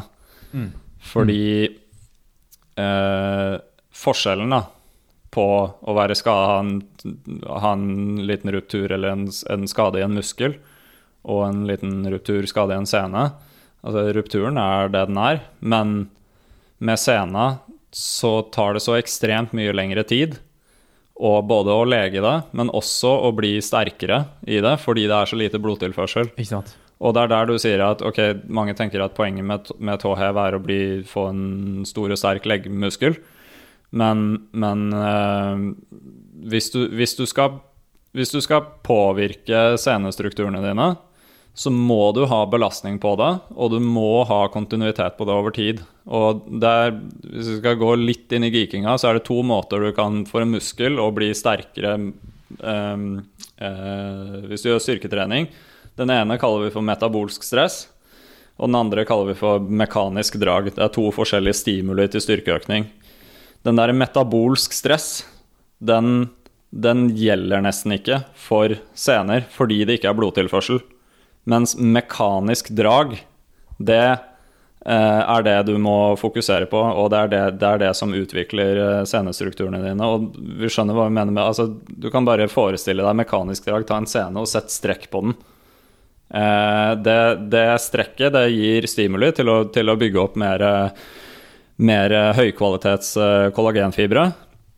Og eh, det vil også være med på å organisere de skada strukturene. Du kan tenke deg kollagenfibrene som sånn uh, hårstrå som, som Ja. ligger i en rett linje oppover, og så blir det skada og ruptur, og så blir det litt kaos. De krøller seg inn i Ja. hverandre, så du trenger det strekket for å strekke det ut. Så når de bygger seg opp, så bygger de seg opp i en sånn fin struktur igjen. Eh, og det greiene der må man ha tålmodighet med. Altså. Hvis du skal bli sterkere i en scene, så tar det, det tar ikke uker, det tar måneder. Eh, det tar lang tid, så man må bare stå i det. Mm. Jeg husker det gikk opp for meg da eh, jeg så en sånn eh, ja, YouTube-video av en, en kar som, som snakka om, om ernæring og, og, og det å fikse akillessena. Ja. Det her med, med hva du spiser, faktisk påvirker hvordan scenen eh, kommer seg igjen, og hvordan du kan på en måte gå inn der med en sånn bare det å massere og få blodtilførsel og spise de riktige tingene, så får du næringa inn i scenen. Altså Det høres jo veldig sånn rart ut nå, da, men, men uh, bare det du sier med kollagen. Ikke sant? Uh, det å ta gelatin, f.eks. Mm. Uh, har du lest noe på, på om eh, gelatintilførsel eller kollagentilførsel som kosttilskudd kan være med å, å hjelpe rehaben av eh, Eh, ja. Uh, jeg, jeg har ikke så mye pent å si om det. Du har ikke det? Nei, det har jeg ikke. Fordi uh, jeg leste en Det var vel Ol- Olympiatoppen som satt en roer som hadde noe jeg vet ikke, en ruptur på en eller annen scene eller noe sånt. Og da satte man på en ganske sånn heftig gelékur Ok. i seks måneder. Ja. Og man vet jo aldri, det er jo litt sånn Ja, han ble bra, men man vet jo ikke om det var pga. geleen. Nei. Eh, Hva du tenker om, om det her, da? Nei, jeg tenker at f.eks. Uh, mine tanker går med en gang til, til eh, Altså, mange har kanskje sett reklamer som popper opp her og der for, for kollagen pluss, f.eks. eksempel Kosttilskudd. Uh, og jeg vil være ganske klar på at det er ingen dokumentasjon og ingen rasjonell eh, måte å tenke seg på at det å eh, spise kollagen i en pilleform eh, skal gjøre at du får sterkere kollagenstrukturer i en scene. Det er ikke det blir, eh, det blir litt som å si at hvis du spiser mye laks, så blir du en laks. Det er, det, er- det, er- på en måte Altså bare uten å gå alt, uh, altfor dypt i det, så, så, så er det på en måte hvis du hvis du uh, sier at du, du, du spiser uh, lakseproteiner, da. Grunnen til at det ikke gjør deg til en laks, er at de lakseproteinene de blir brutt ned i uh, magen. Det er som en syrekvern i magesekken. ikke sant? Det blir delt opp i små, små, små, små biter, og så bruker kroppen det til, eh, til det den trenger, og bygger det opp på en ny måte. Eh, og, og på samme måte så er det ikke sånn at hvis du man kan ikke si at hvis jeg spiser kollagen, så legger det seg på akilleshæla mi fordi den trenger mer kollagen.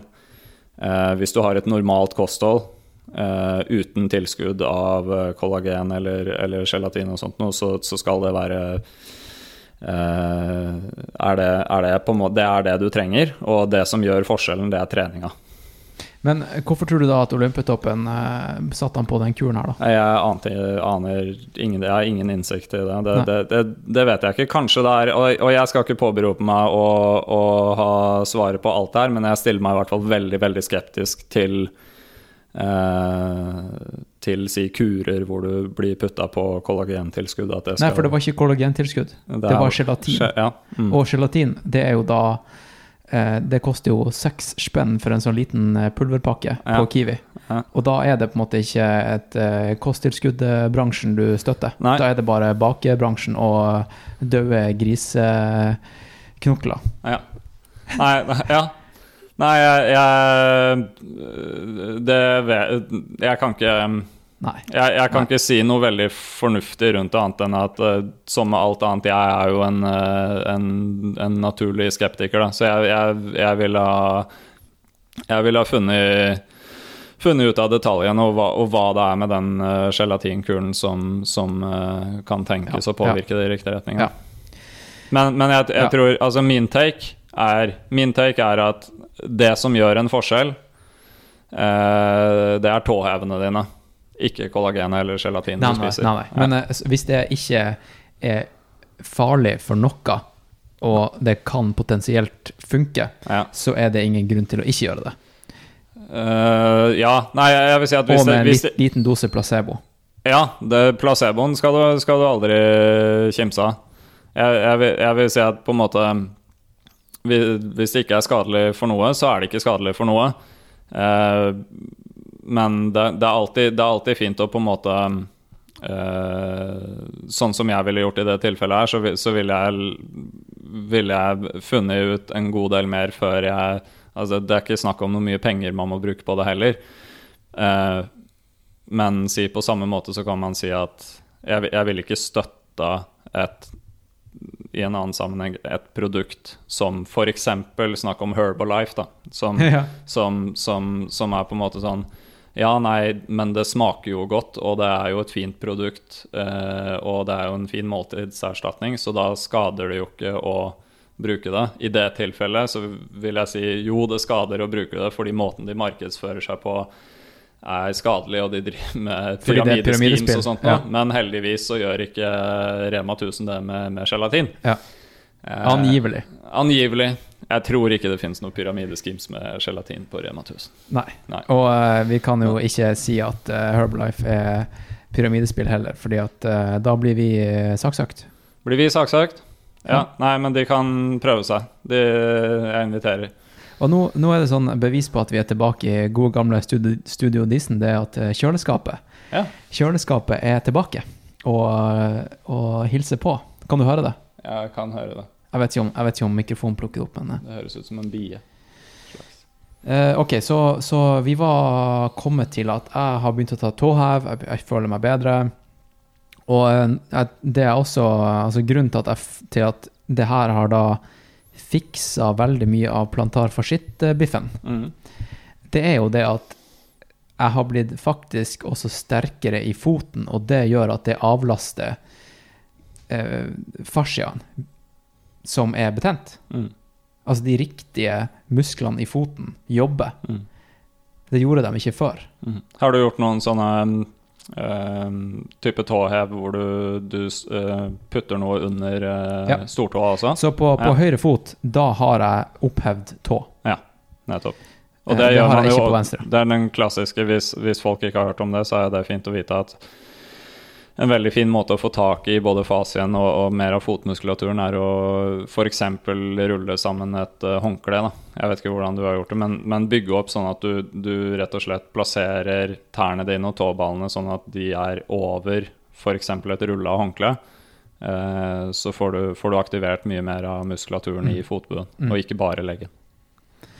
Ja. I tillegg da, så har jeg hver kveld i, det, si, i to måneder eh, tatt av meg sokken, og så har jeg sittet og så har jeg stirra på foten min, og så har jeg prøvd å, å sprike tærne, Ja. fordi at eh, det kunne ikke jeg før. Kan du se? Ser du her? Nå det, gjør jeg det. Eh, og fordi at jeg har gått mye på skøyter, så har jeg alltid hatt på meg sånne skikkelig trange altså skøyter, som har vært formstøpt. Mm. Jeg har ikke kunnet bevege noe på dem. Eh, og det har gjort at jeg har mista hele sånn her connection fra hjernen til uh, tærne mine. Mm. Eh, og jeg har alltid hatt sånn mistanke om at det kan ikke være bra altså, for noe, egentlig. Mm. Og, um, og det gjør at man er mer skadeutsatt, fordi at eh, det sier jo seg sjøl. Jo, jo sterkere du er i foten, og jo mer eh, signaler du klarer å sende fra hjernen til å aktiv aktivere musklene, alle de småmusklene i foten, eh, jo bedre blir løpesteget, jo mer naturlig blir steget. Og jeg har sittet der hver kveld og bare prøvd å liksom få tak i, i tærne mine. Mm. Og ser du her nå? Nå, nå klarer jeg faen meg å sprike. Du får meg lille tå også. Jeg faen, ja. faen, Så, så det at jeg klarer å gjøre det på kommando, det er faktisk helt sjukt. Jeg har ikke, gjort, jeg har ikke klart å gjøre det siden jeg var Jeg kan faktisk ikke huske når jeg gjorde det her. Om, om jeg noen gang har gjort det her. Og det å få det til i voksen alder, jeg må si at det er en sånn barnslig eh, glede. Moralen er det, det er aldri for seint å sprike med tærne. Nei. Men uh, Nei, så da jeg, jeg er tilbake i løping, Askild. Uh, og, Ja. og da eh, Hele det året her, da, har jeg også vært gjennom en sånn her mental prosess, sånn som du har vært. da. Mm. Er det verdt det? Hva er en løper? Hva er det å være en løper? Hvor teit er ikke det? Mm. Det er jo bare å putte et bein foran det andre, og så, er du, liksom, har, du er liksom, kult, så har du liksom en identitet. Mm. Og så, har, og så har du en sånne små samfunn, sånn som Skyblazers og Stirsdag, og med, med folk som liker å gjøre det samme som deg. Og så har du liksom det, blir din greie, da. Jeg har en podkast som for det meste handler om løping. Løpe, løpe, løpe. Altså. Ja, ikke sant? Mm. Uh, men jeg liker å gjøre masse andre ting. Men løping har alltid vært liksom greia, da. Uh, og um, men jeg følte virkelig at jeg hadde mista det. Jeg hadde, egentlig, jeg hadde egentlig nesten gitt opp håpet. Mm. Sånn, jeg hadde, jeg hadde gjort meg klar mentalt for å virkelig legge skoene på hylla og bare gi, gi, gi, si meg fornøyd med å kunne bevege meg fort gjennom terrenget en time om dagen, altså i skogen. Mm. Trenger ikke være løper på høyt nivå. Mm. Eh, kanskje, kanskje en dag komme tilbake til det, men ikke liksom være toppidrettsutøver. Og så begynte jeg da å få liksom tilbake den løpegnisten. da. Begynte å bli sterkere i, i akilles, begynte å ikke ha vondt i, i plantar for skitten. Begynte å få liksom skikkelig positive svar i, i, i treninga, da. Eh, og så får jeg en telefon fra Frankrike. Eh, og så sier de hei, det, er, um, en eller annen kar, eh, jeg vil ikke si navn, men eh, han var fra Essex. Han sa du, vi, vi, eh, vi skal bygge et, et internasjonalt team med, med ultraløpere. Eh, og vi tenker at du hadde vært en- en, bra, en bra kandidat. Er du gira? Eh, og så sa jeg sånn Nei, ta noe Jeg trenger litt mer info, liksom. Vi tar en Skype-samtale. Og så uh, ringte jeg meg opp, og så tok vi det over eh, video.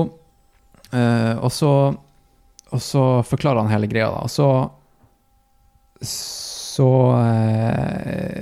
endte jeg opp da med å nå forrige uke signere en kontrakt med Essex. Mm. Kult. Betalt. Mm.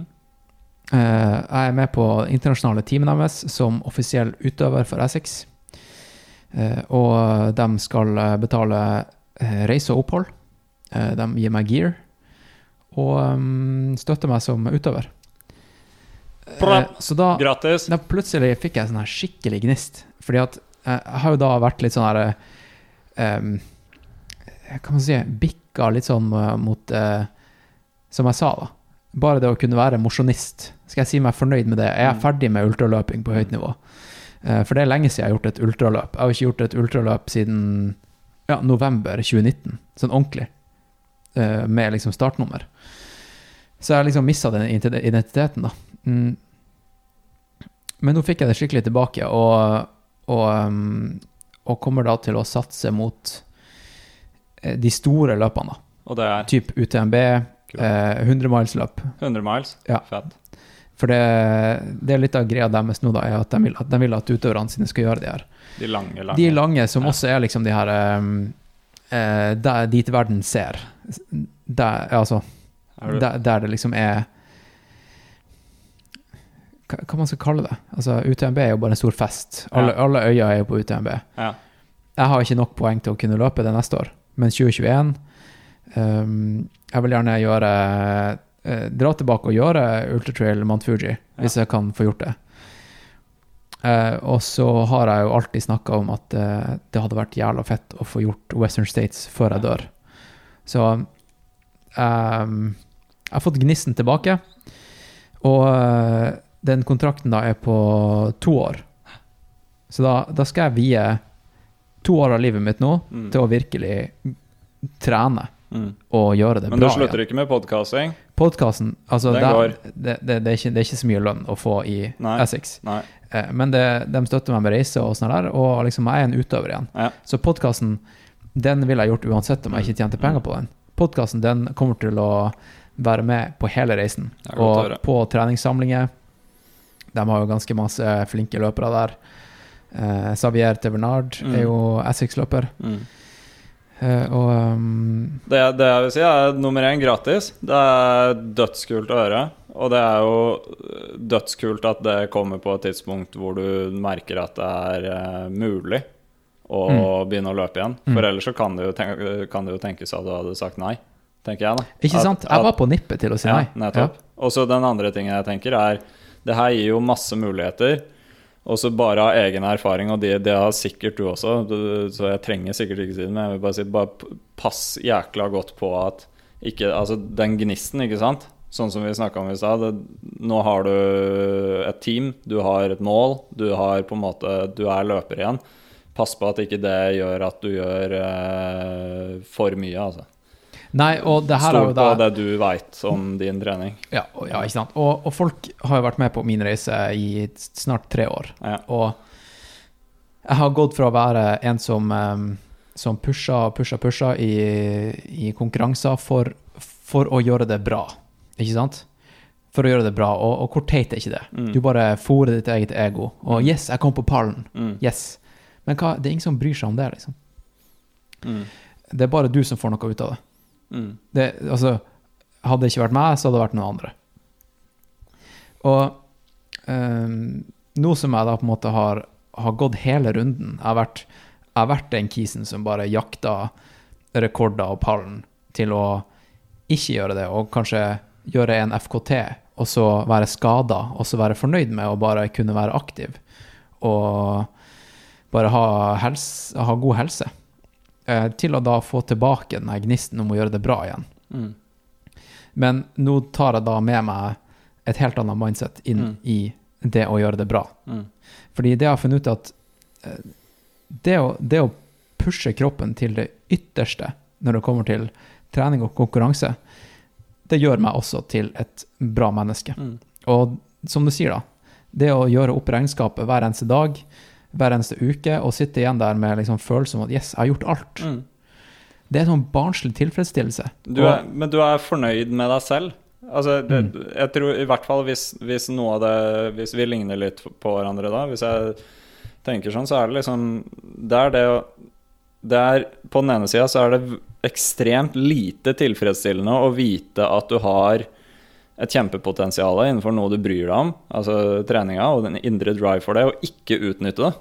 Altså Det er Det ekstremt frustrerende, og så er det tilsvarende ekstremt digg å sitte på slutten av dagen og sitte og vite at du har Uansett om du er skada eller ikke, og sitte og vite at du har, du har spilt så bra du kan med de korta du har på hånda, og mer kan du ikke gjøre. Og du kan ikke kontrollere alt, men jeg har i hvert fall gjort det jeg kunne, og levd opp til mine standarder og potensial. Ikke sant? Og nå, nå har jeg brukt såpass mye tid i livet mitt på å bli en flink løper, og det ville vært waste of talent å bare kaste det bort Mm.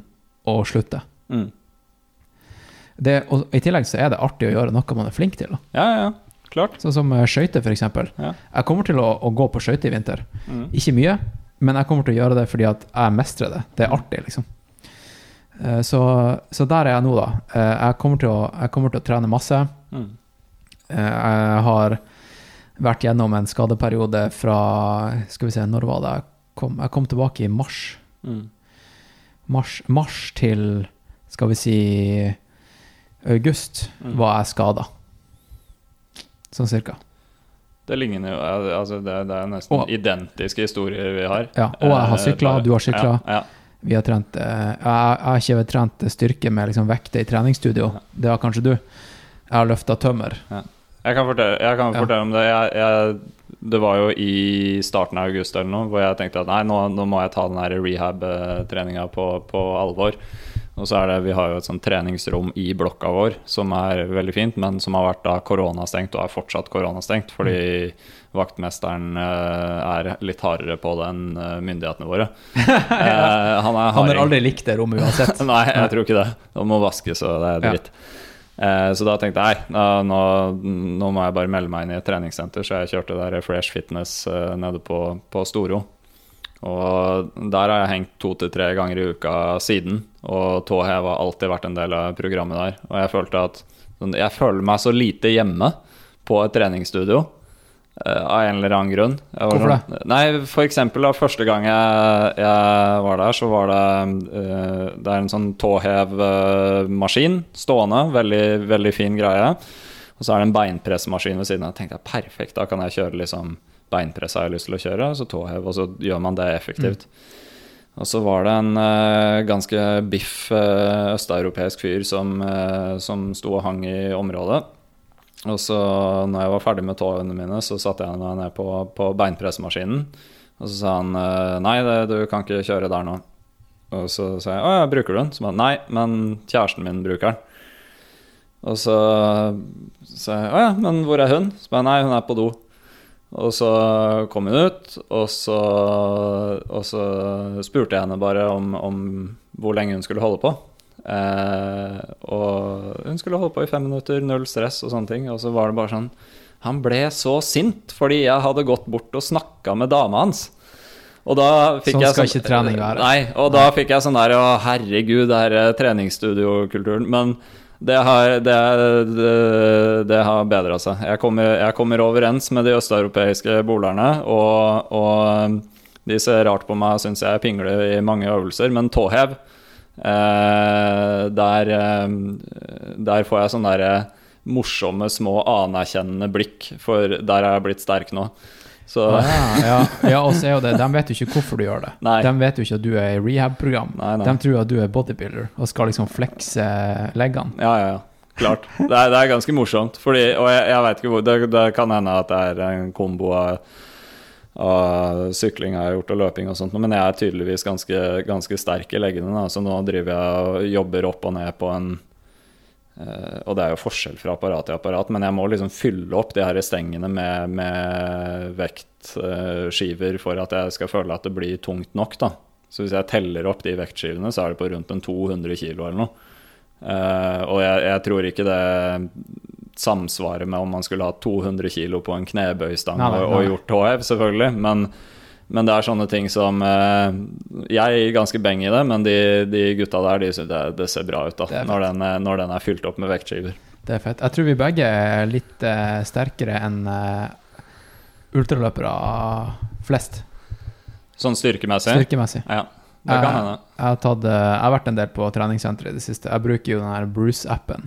Hva er det for noe? Eh, det er jo et, um, en tjeneste, et abonnement, som gjør at uh, du kan trene egentlig hvor du vil i Oslo. Ja. Klatresenter og yoga og treningsstudio og Ja. sånt der. Du, det er faktisk eh, Hvis du skriver ned da i eh, kodefeltet, så får du 50% avslag første måned. Eh, men det, det Jeg har brukt det, så jeg har klatra og vært eh, på treningsstudio og kjørt ellipse og styrke etterpå, da. Ja, og så har jeg kjørt en del sånn her Sånn her hexbar deadlift. Ja, Hexbar der, der du står i midten? Ja. Og det så jeg også at han eh, Karsten Warholm drev med. Ja. Uh, og der tok jeg faktisk eh, 100 kilo Ja. her om dagen. Og det tror jeg ikke det er så mange ultraløpere som eh, kan gjøre. Nei, i hvert fall. Det er, det er veldig veldig mange ultraløpere som jeg ikke tror driver og tar borti vekter i det hele Nei, tatt. nei. Uh, men men, eh, Dritkult. Veldig, veldig kult. Det var jo en, eh, den avslutninga på 2020 for deg. Det var, det var ikke det jeg hadde Jeg veit ikke hvorfor, men jeg hadde forventa at du skulle ha et nytt reiseprosjekt, og at det skulle være uavhengig av løpinga. At, du, at oh, ja. du faktisk skulle droppe. Oh, ja. Så det, det var en helt annen vending enn jeg hadde trodd. Det var jækla kult å høre. Altså. Jo, takk. Eh, fett. Og, men eh, jo, det, det siste er jo det med Lillomarka rundt, hvorfor jeg ikke skal løpe. Ja. Og det er jo fordi at um, Og det, det her har jeg da lært av å være skada. Det er det at jeg, jeg meldte meg på, men så meldte jeg meg av ganske fort. Fordi at jeg skjønte med en gang at hvis jeg skulle være meldt på et løp, Ja. så kom jeg til å trene altfor mye. Jeg kom til å la meg friste. Nettopp. Eh, og jeg kom til å legge skaden, at den var liksom nede på prioriteringslista, mens løpet var på topp. Mm. Og da visste jeg da, hvis jeg, hvis jeg var meldt på det løpet, at jeg kom til å trene på meg en skade igjen. Mm. Og at jeg ikke kom til å fullføre det tåhev-programmet og gjøre det ordentlig.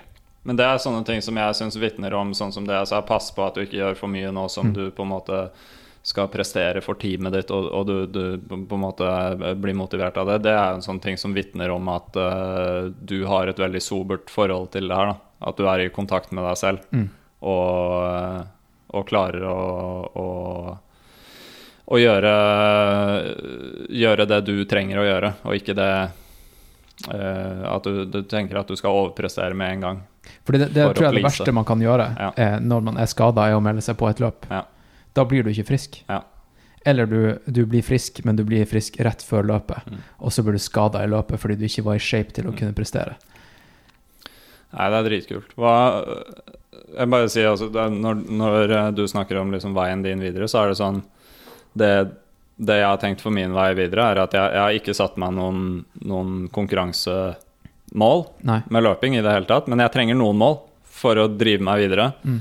Så nå i, i starten så har jeg sagt slutten av oktober så skal jeg gå all in eh, sykling fra altså den klatringa til Tryvann, for da vet jeg hvor god jeg var når jeg var aktiv, Ja. og så ser jeg hvor nærme jeg kan komme. da. Jeg vet jeg kommer til å være bak, men liksom ok, hvis jeg har det målet, så er jeg nødt til å sykle, og det gjør meg ikke mer skade. Mm. Og så har jeg sagt at hvis det er mulig, så har jeg lyst til å være med på Transgran Canaria en gang til. Hvis korona tillater, hvis skaden tillater og sånne ting. Men at eh, løpinga den skal økes veldig gradvis, og det skal stikkes eh, fingre i jorda ganske ofte. Eh, men alt Målet er på en måte å klare å opprettholde eh, en treningsmengde og kvalitet som gjør meg bedre, uavhengig av om jeg kan løpe eller ikke. Så hvis jeg øker gradvis og jeg kommer til 60-70 km i uka og jeg merker at det blir verre, ok, men da bytter jeg ut en intervalløkt løping med en hardøkt på sykkel. Sånn at det ikke er noe kompromiss på det jeg ser på som kvaliteten på treninga. Nei. Og så da, da stiller man seg i hvert fall selv i en posisjon hvor hvis man er så heldig å bli, eh, å bli klar, sånn skademessig, så, så har man alle forutsetninger for å, for å kunne stille til start eh, godt forberedt. Da. Ja. Og det, det du sier der, det er jo eh, litt av det jeg har begynt å gjøre også nå i opptreningsfasen. Det der med å ikke gjøre de hardøktene Mm. eh, i løpinga, Mm. men få den der kardiovaskulære poundinga på, på skånsomt vis. Og det gjør jeg da på ellipse. Mm. Jeg drar rett og slett på Myrens eh, ned på Torshov, og så stiller jeg meg på ellipsen. Uh, Setter på en sånn her eh, Jeg lagde en måte å, for å motivere meg sjøl til å gjøre, gjennomføre det i hardøkten, var at jeg lagde en mixtape. Mm. En sånn fire ganger ti minutt mixtape. Den du la ut? Ja. Ja. Den ligger på Patrion, og den bruker jeg eh, slavisk. Det, da bare skrur jeg av hjernen. Jeg setter på eh, klokka som jeg har programmert på Garmin til å gjøre eh, fire ganger ti, og den er i samsvar med den miksen. da. Så når, når liksom musikken starter, så sier klokka nå skal du være mellom der og der i, i puls, og så bare gjør jeg det. Mm. Altså Det er kompromissløst. Jeg skal bare fuckings gjøre det. Mm. Så gjør jeg det, og så er jeg ferdig med det, og så har jeg gjort det. Mm. Eh, og da er musikken over, og eh, jeg kan ta resten av uka løping med god samvittighet. Mm. Så i dag løper jeg da ti ganger 1000, og det er fordi at jeg har begynt å, begynt å gjøre litt hardøkter på Mm. beina. Men jeg har fortsatt den ene av den andre hardøkta på Mm. ellipse. Og så etter hvert så kommer jeg til å fase den ut, da. Men, eh, Mm. men det er i hvert fall min approach til å trappe opp løpinga. Mm. Og det, det jeg tenker er litt sånn, og det fikk vi jo et spørsmål om også, sånn hvordan eh, Eller det jeg tenker er Ok, jeg begynner på nytt. Uh, Oda, dama, hun, hun spurte meg sånn på et eller annet tidspunkt når jeg var liksom deppa for at jeg var skada ditt og datt og dårlig stemning, jeg var en dårlig kjæreste, følte jeg. Ja, dere Eh, holdt på å slå opp? På Eh, grunn av nei, lang, Jo, jo, jo. lang Jo, jo, jo. Ja. Ja, vi, vi kjører drama her. Ja, det var på nippet til at det ble skilsmisse. Vi må ha en spenningskurve. Ja. Eh, så spurte hun meg hvor mye hadde du betalt for å bare At den skaden skulle være helt over i morgen. Mm. Og så satt jeg og tenkte. Og så sa jeg jeg hadde ikke betalt en dritt. Fordi uansett hvor kjipt det er nå, så veit jeg at jeg kommer til å lære noe av det her. Og det står ganske sentralt, da. Og si den at du nå kjører Og jeg kan relatere veldig til det, at du kjører litt uh, hardøkter løping, litt hardøkter noe annet. Og, og jeg kjenner i hvert fall veldig på det hvor mye uh, alternativ trening av forskjellige former kan bidra til å gjøre deg til en mer bærekraftig, og da tenker jeg bærekraftig som i å holde seg skadefri, og uh, bedre løper, også når du er frisk. Eh, det å kunne legge til f.eks. en hardøkt på sykkel i tillegg til hardøktene løping eh, i, i løpet av en treningsuke fordi det ikke er den samme belastninga, kan gjøre at du, du, du kan uppe treningsbelastninga di uten at det går over toppen. Og det kan bidra til at du, du blir en bedre løper til slutt. Så i hvert fall noe av det jeg sitter igjen og, og tar med ut av det her, er eh, Jeg kommer til å året rundt uh, ha andre Altså et mer, mer variert trening. Det, når jeg en vakker dag er eh, helt frisk igjen, så kommer det til å være mest løping, men det kommer til å være mye mer innslag av andre ting. Og ikke tenke på det at man må løpe hver eneste dag for å bli en bedre løper. Uh, og jeg, jeg tror at den lærdommen, den uh, og faktisk har kjent på at det funker, det, det er noe som kommer til å, til å gagne, gagne meg over tid, altså. Mm. Han, eh, John Alban sa jo det da jeg intervjua han til podkasten, var at uh, han har vel egentlig aldri løpt uh, noe særlig mer enn 100 km i uka. Mm. Han har alltid tatt uh, Jeg har vært litt konservativ på løpinga, Mm. og han har gjort det ganske greit, Mm. vil jeg si. Ja, ja. Nei, og det, det er masse eksempler på det. Og det er lett å tenke at ultraløping er så mye at man må løpe ekstremt mange kilometer i uka for å tåle ultraløp, men det fins mange eksempler på det motsatte. Men nå, jeg, jeg ser du drar fram eh, PC-en også, Ja. og så tenker jeg Jeg syns det kommer utrolig mye bra ut av det vi prater om nå, og sikkert mye som folk kan ta med seg, men om vi nå kanskje, kanskje vi tenker likt, at vi, vi kan gå gjennom litt mer punktvis og så si litt kort rundt eh, litt av ting på agendaen vår, eller lyttespørsmål, og så Ja. komme med noe som som uh, Ja, ja fordi at nå har vi prata veldig mye sånn subjektivt. Ja. Hva, hva vi har vært gjennom, hva vi har gjort. Uh, men det kan alltid være greit at, å sitte igjen med noe etter en sånn her prat. At man har lært noe. Og som sagt så involverte jeg da lytterne mine, eller dem som støtter podkasten på Patrion. og da er det Skal vi se, da. Det var ei som heter Live. Hun har vært ganske uh, hissig på tastaturet. uh, og bidratt masse med masse spørsmål. Og så har vi han Espen Berger, Bjørn Mæland, Anette Velde Sanne og Jonas eh, Enevoldsen, som da får, har spørsmål her som kommer til å bli besvart. Vi har garantert vært innom de andre også, uh, på en eller annen måte, men de kom med noen konkrete ting, da. mm. Og da kanskje vi kan ta um, den første her, da. Da er det han eh, Bjørn sin, eh, sitt spørsmål. Tanker rundt eh, skadeforebyggende styrketrening. Er det verdt det?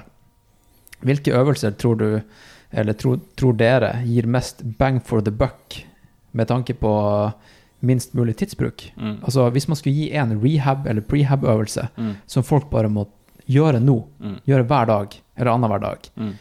som kan gi dem mest bang for the buck, for å sørge for at de minimerer sjansen for å bli skada. Mm. Hva er det? det? Der er et ganske konkret svar. Og det, det er liksom, hvis du tenker på det som er evidensbasert, det som er vist å funke, eh, og som funker både for skadeforebygging og for prestasjon, vi har så vidt vært innom det, det er å trene eh, tung styrketrening eh, med ytre belastning eh, på eh, store muskelgrupper som er involvert når du løper. Og konkret da så vil mitt forslag være at du kjører en form for knebøy. Det kan være vanlig knebøy, eller det kan være beinpress i apparat. Eh, At du har en øvelse for eh, bakside lår. Eh, Det kan f.eks. være Deadlift, markløft, deadlift. eller sånn hamstring curl. ja, begge to eh, er fine. Eh, hvis du kjører eh, markløft, hvis du skal gjøre det løpsspesifikt, så gjelder det å, prøve å gjenskape den fleksjonen i kneet du har når du løper. At du ikke nødvendigvis går eh, megadypt, men at det blir en sånn slags mellomting mellom strakmark og vanlig markløft. Så prøv å gjenskape liksom sånn beinet ditt er når du løper. Ja, for du sa han Karsten Warholm, han, han har faktisk eh, kasse under vektstativet. Mm. Så når han tar uh, hexbar deadlift, Så så, han starter så han liksom med ganske lite vinkel, altså. Han går ikke dypt. Mm. Og det gjelder også og spesielt, jeg vil si, hvis du snakker knebøy. da.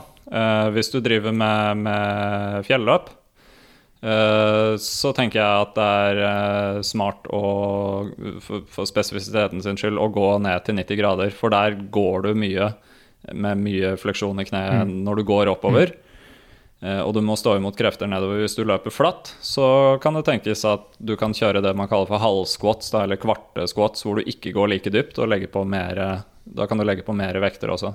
For der vil du aldri være så dypt med, med altså så mye fleksjon i kneet. Nei. Så én forsidelår, én baksidelår og tåhev.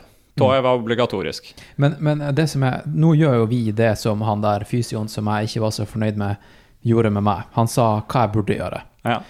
eh, og ga meg ingen sånn eh, konkret regime for at jeg skulle klare å gjennomføre det. Okay. Eh, skal, vi, skal vi gjøre det? Skal, Yes. vi, skal vi gi folk eh, sånn her Kanskje et sånn eh, prosjekt å gjøre Ja. i, seks, eh, uker fram i tid. Si ti uker. Ja. For det, du trenger litt tid, da.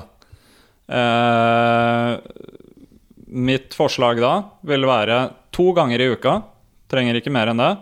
Og så hvis du er som meg, som, som ikke føler deg helt hjemme på treningsstudio og helst ikke vil være der, eh, så gjør økta så effektiv som mulig, sånn at du bruker kanskje maks 20 minutter på den.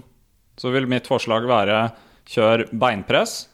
Eh, tre ganger åtte repetisjoner. Mm. Hvor tungt skal det være?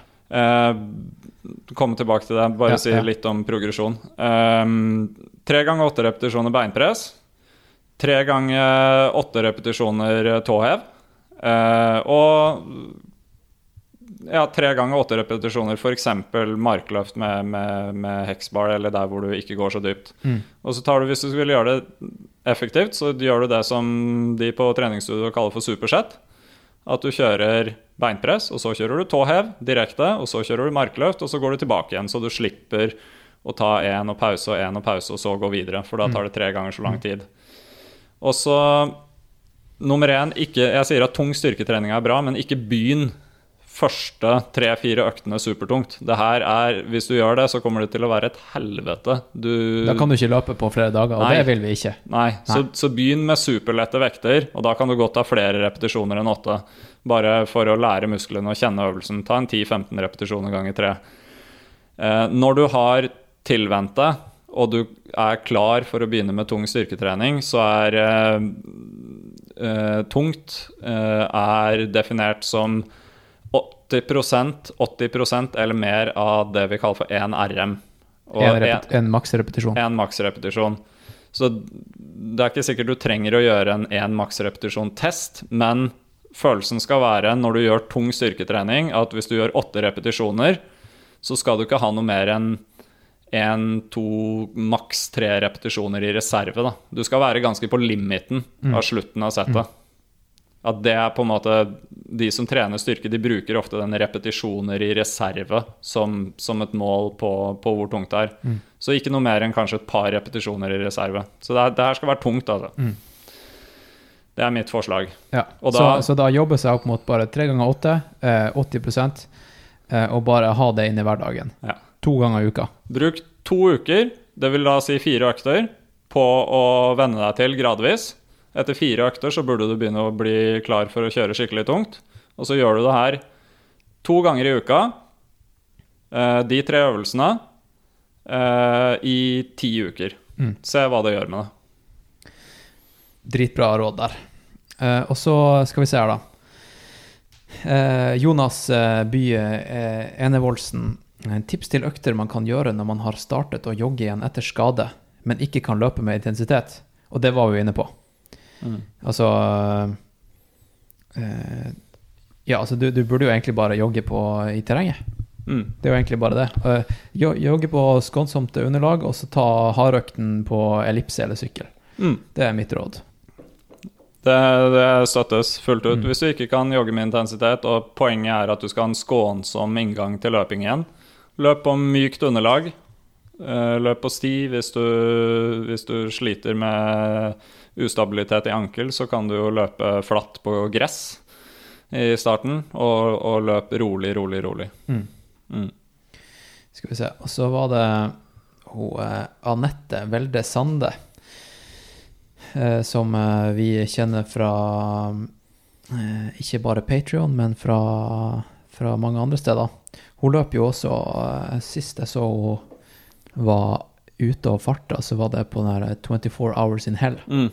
Så hun her, hun her er en ultraløper og OCR OCR-løper. Harding.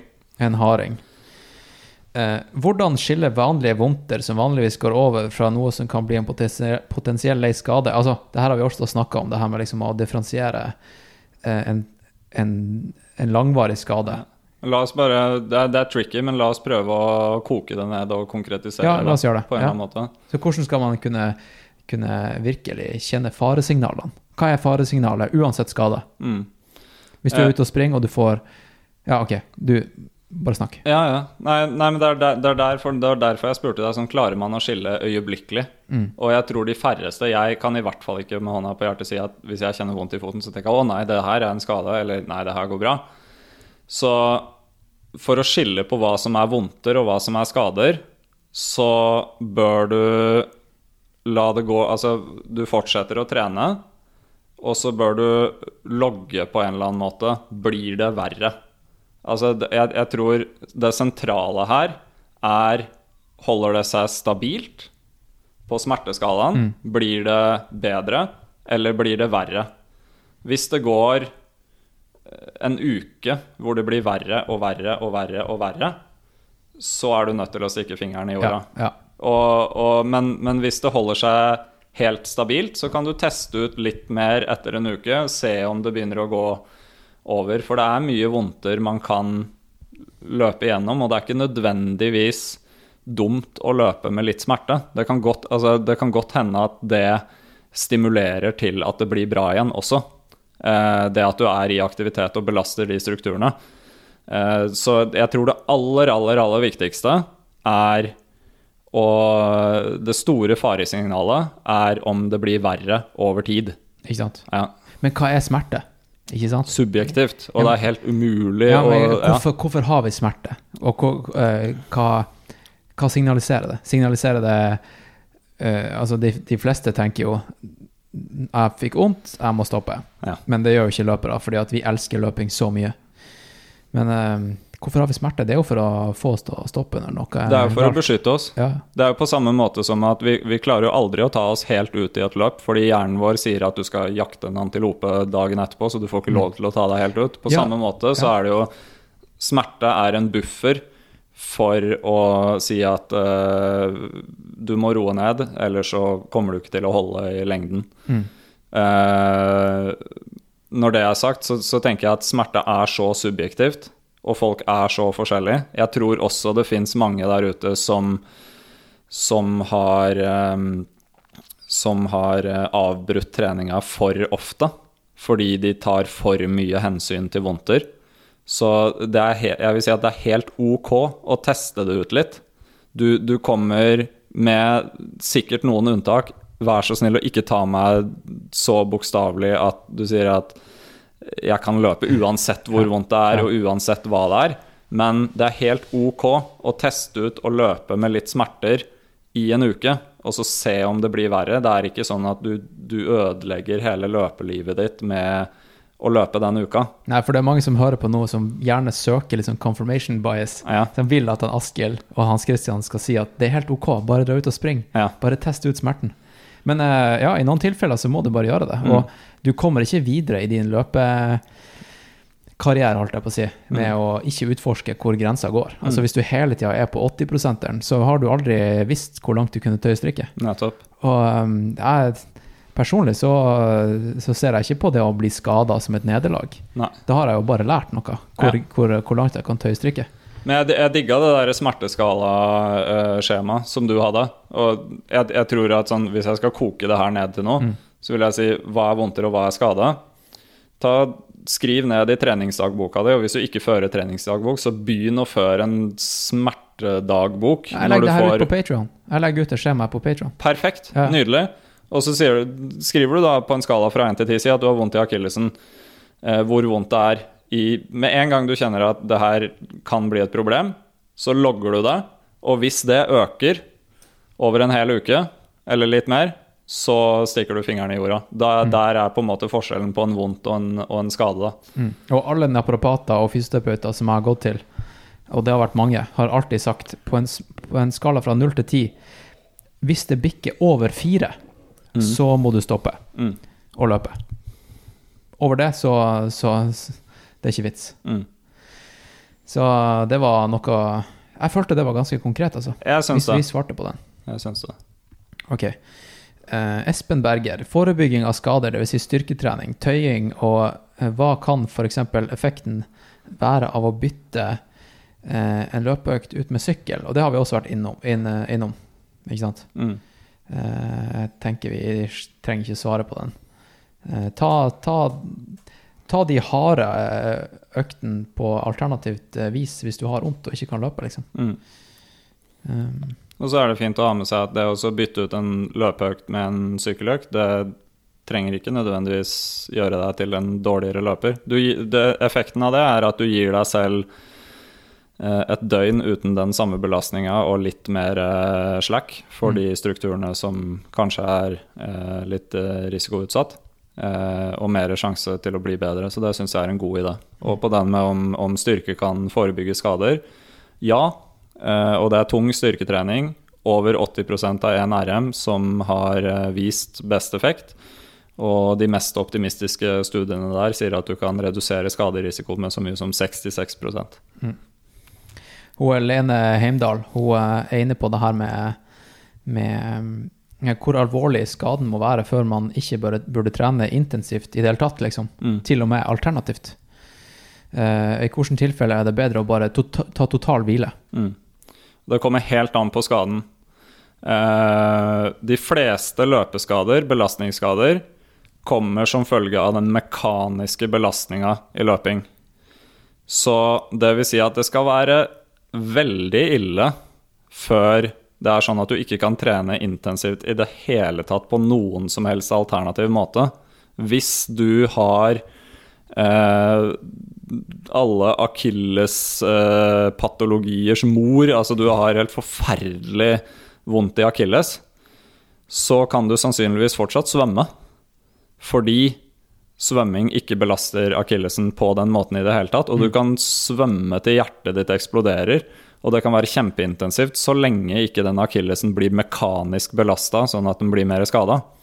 Så det fins hederlige unntak som Bare du ikke er skada i hjertet.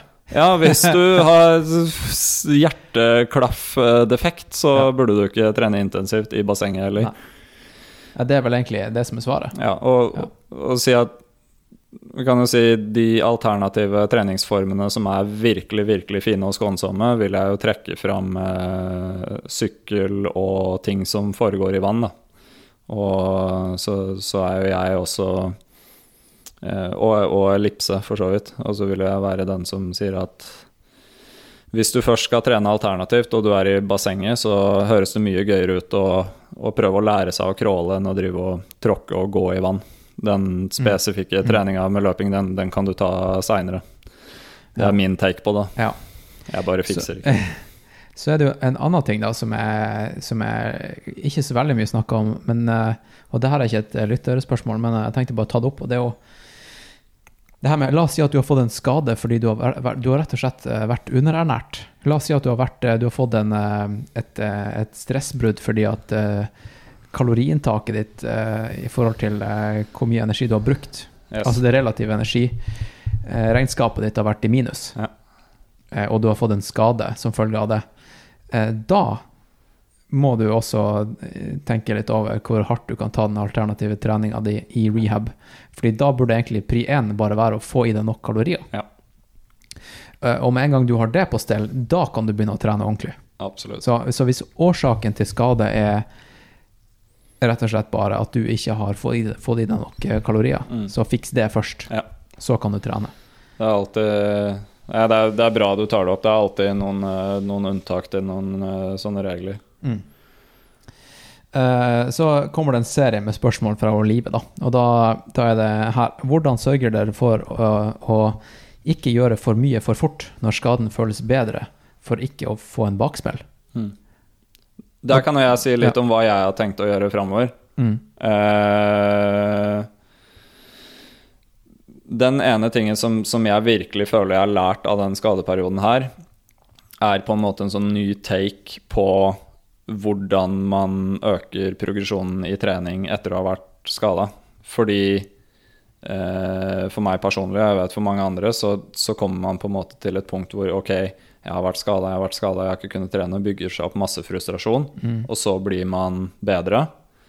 Og så vet man at man burde ta det gradvis, men så er man så frustrert at bare nei, faen, jeg har blitt frarøvd den der løpinga i så mange måneder, nå må jeg bare gønne, og så skjer det noe fælt igjen.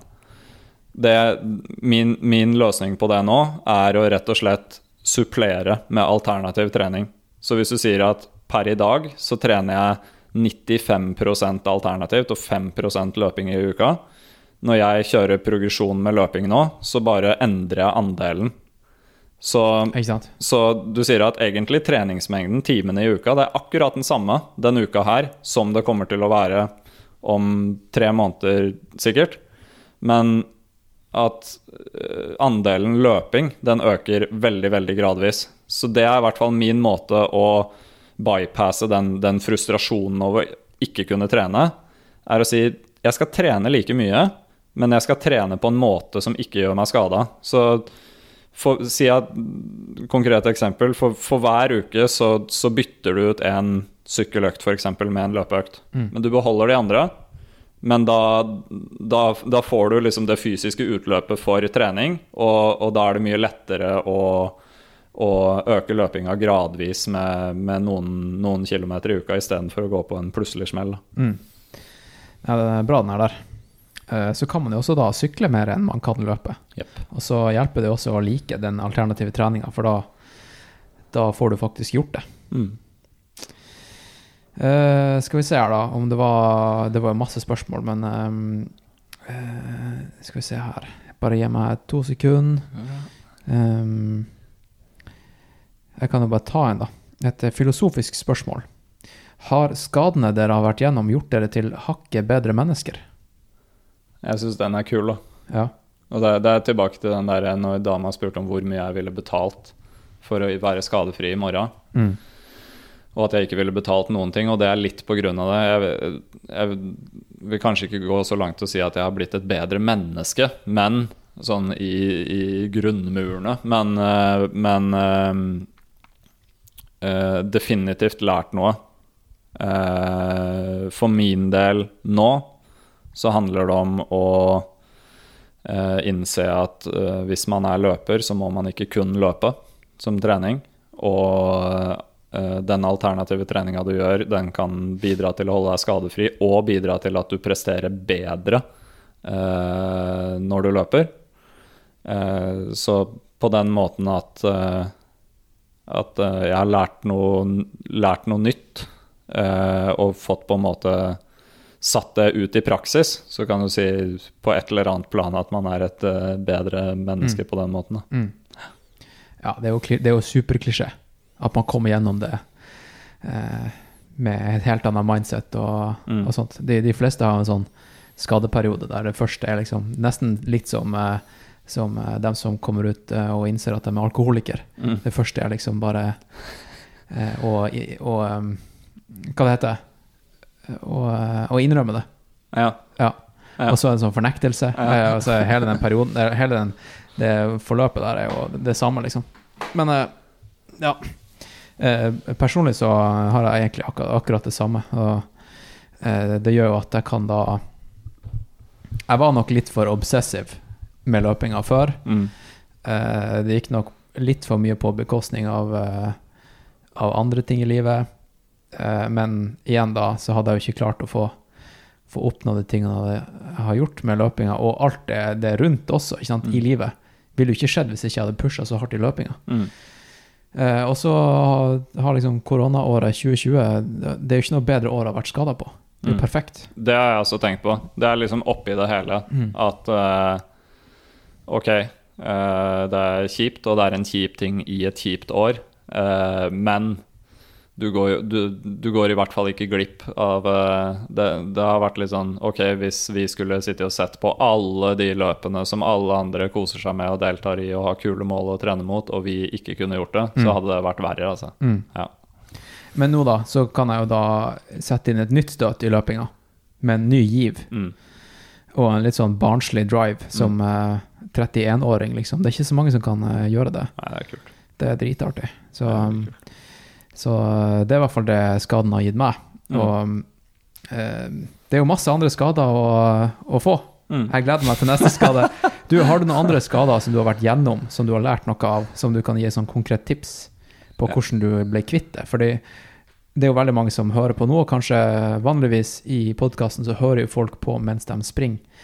Men jeg mistenker at denne podkasten er det mange såkalte IPOS, eh, altså injured piece of shit, eh, som bare sitter hjemme og kanskje hører på episoden mens de baker brød og ikke kan Ja. løpe. Ja. Eh, har du hatt noen andre skader som du har Um, jobba deg gjennom? Ikke Nei, ikke, ikke så mange. Jeg har jo hatt øh, Jeg har jo hatt noen Jeg har jo hatt denne lyskebrokken. I Mm. hvert fall det jeg tror har vært en lyskebrokk som jeg opererte for og sånt noe. Hvor jeg basically løp gjennom hele 2019 og hadde en, hadde, følte jeg hadde suksess den sesongen med en NM-medalje og sånt noe. Med, med dritvondt i den brokken. Og det gjorde ikke noe permanent skade. Jeg operer, opererte det, og det ble bedre. Eh, så der føler jeg ikke at jeg har så mye å tilføre. Jeg har en Det er ikke skade, men jeg hadde kyssesyken eh, Når jeg var 19-20, som gjorde at jeg nesten ikke kunne trene på fire måneder. Mm. Eh, og så ble jeg frisk midt inne i sesongen, da drev jeg med sykling. Og så hadde jeg egentlig avskrevet hele sesongen, men jeg begynte å trene.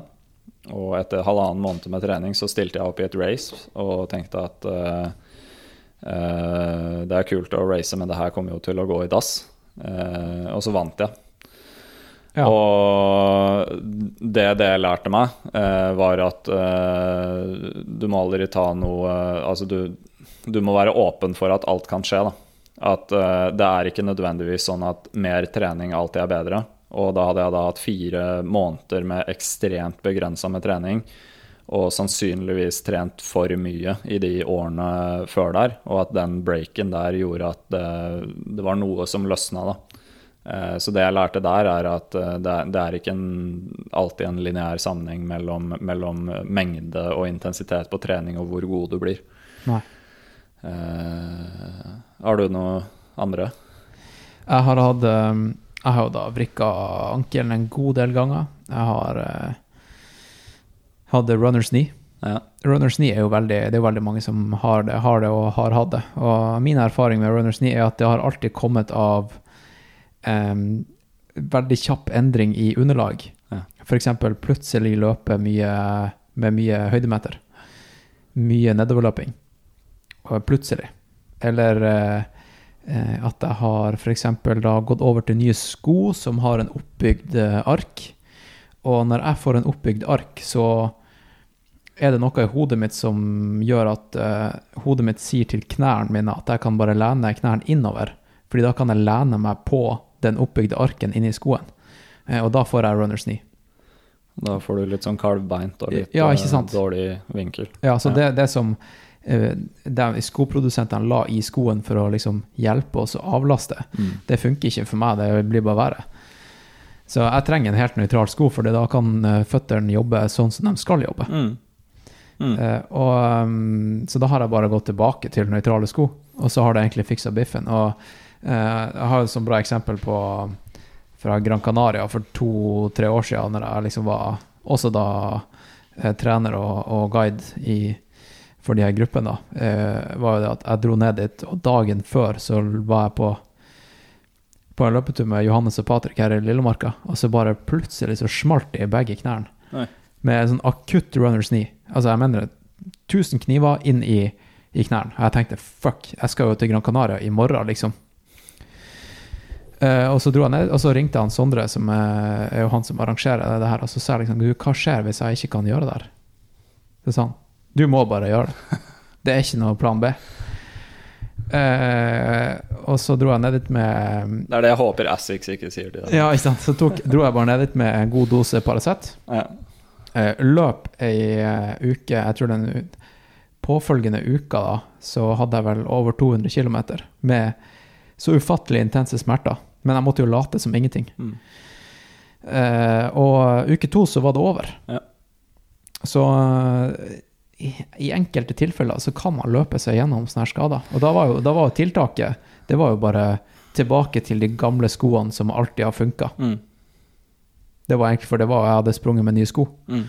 Så det var egentlig ganske enkelt svar. Men uh, hver gang jeg har fått runners knee, så har det vært pga. skobytte. Mm. Og eh, gangen før der igjen så fikk jeg runners knee av uh, Hoka-sko, som bare hadde altfor mye demping og gjorde at liksom knærne fikk vingle. Men du bare- trekker jo en veldig rask slutning, da. At det er skoa Ja, som for- for gjør at du får det. running. Ok, du, Ja. du er sikker på det? Helt sikker, Ja. for det Mm. så- jeg, jeg tror jeg hadde runners knee tre ganger, sånn heftig. Ja. Og hver gang så har det vært fordi at jeg har eh, eh, fått meg sko som har vært eh, enten Mm. mer oppbygd eller eh, mer demping. Det gir jo mening. Eller altså, det er, det er jo ofte Det er jo ofte ikke totalmengde på ting som alltid gjør at du Det er, det er ofte sånne Altså det er enten for mye for fort av trening, eller brå skifte av et eller annet, og hva du gjør i de brå skiftene. Det er jo der årsaken til 95% av skade ligger. Så jeg er med på den, altså. Mm. Og, og for der igjen så hadde jeg en eh, meniskruptur. Ja. Eh, og det fikk jeg da jeg plutselig ble Altra-ambassadør. eh, Og fikk et, et par sko i posten og tenkte det var jo De kjentes jo deilig ut. Jeg skal prøve å løpe et 80 km løp med dem. eh, Som var veldig lite sti og mye betong. Og da nulldropp og, eh, og komboen med det, da. Altså da en ganske drastisk endring, for jeg kom jo fra å løpe med liksom Salomon-sko i, i fjellet i Norge og i Lillomarka til å springe på holdt på å si, asfalt i 80 km. Mm. Da skjer det ting. Ja. Så de her brå endringene Vær, vær, vær obs på alle brå endringer, egentlig.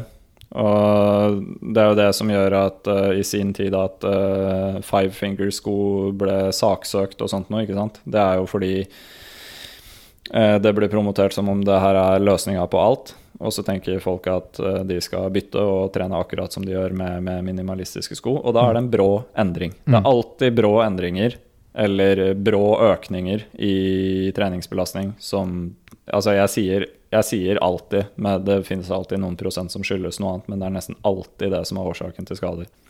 Så vær litt ekstra forsiktig i de ukene du gjør en sånn endring, og så kan du slakke litt på det etterpå. Ja, fordi nå går jo vi over i en periode der eh, stort sett alle i Norge begynner å bli litt sånn Kanskje det begynner å komme snø, Mm. så folk begynner å springe mer på asfalt. De hadde tidligere sprunget utelukkende på sti.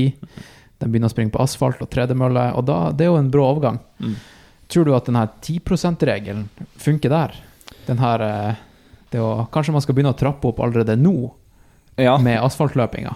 Bare Eh. for å sikre seg at denne overgangen mot vinteren blir optimal? Da. Den tanken syns jeg er veldig fin, og jeg tror 10 %-regelen er veldig fin for å bevisstgjøre folk på at gradvis eh, økning eh, er veien å gå. Jeg tror, ikke, jeg tror ikke det er noe magisk fælt eller mag som skjer over 10% eller noe magisk bra som skjer hvis du holder deg under 10 Nei. Jeg tror det er veldig individuelt, men moralen er at uh, du har veldig mye å tape og lite å vinne på å eh, ha en dobbelt så rask eh, progresjonskurve på, på f.eks. økning i kilometer i uka. Da. Så ja. Og det, det, er alltid, det er alltid et sånn balanseregnskap. Prøv å være litt uh, Prøv å være litt kynisk og si hvis du har mer å tape enn du har å vinne på det, hvorfor skal du gjøre det da? Ikke sant? På en måte. Ja. Og så hjelper det veldig å ha en tredjepart, nøytral tredjepart, Ja. som du kan spare med.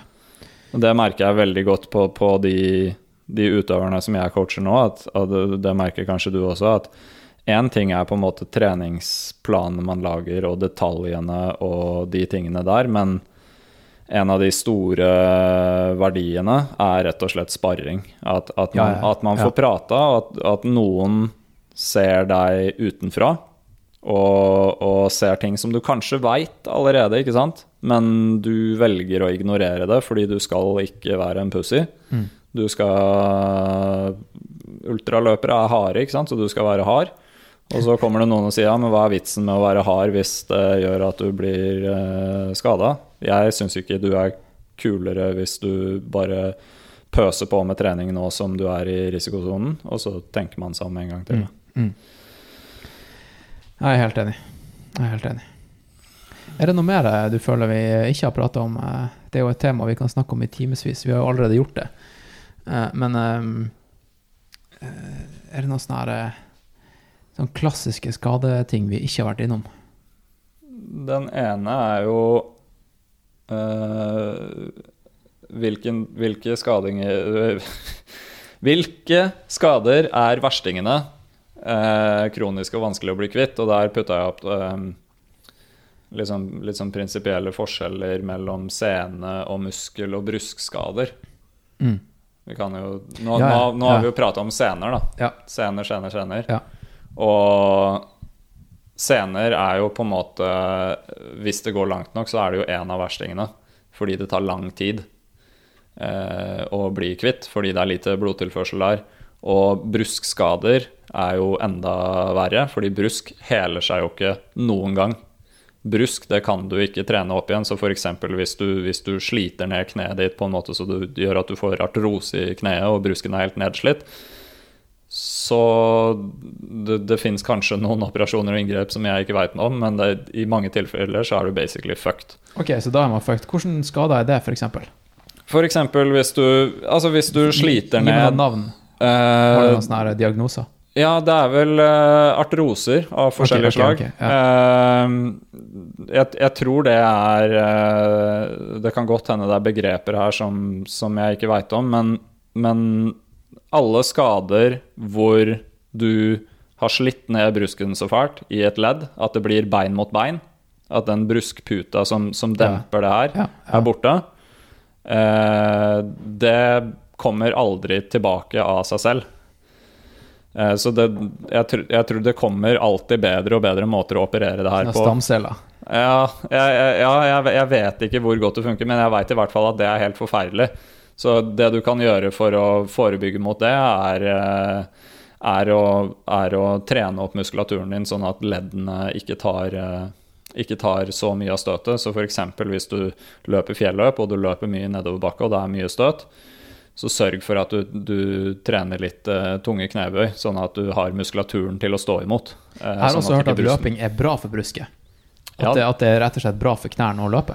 Ja, absolutt. Spørsmålet er om ultraløping er det beste, da. Det er kanskje Ja, men, men det, det vil jeg også si. Det det, er liksom, det er ikke sånn at løping er skadelig og styrketrening bygger deg opp igjen. Nei. Løping er jo også eh, holdt på å si prehab. Løping er prehab-trening for løping hvis du gjør det riktig. Hvis du gjør det gradvis. Ikke sant? Fordi løper du, så bryter du jo ned ting, så bygger du det opp sterkere igjen. Og det er jo ekstremt spesifikt. Så hvis du gjør det i en prosess som er gradvis nok, så er jo det skadeforebyggende. Løping er også styrke Altså, Hva er styrke? hva er styrke?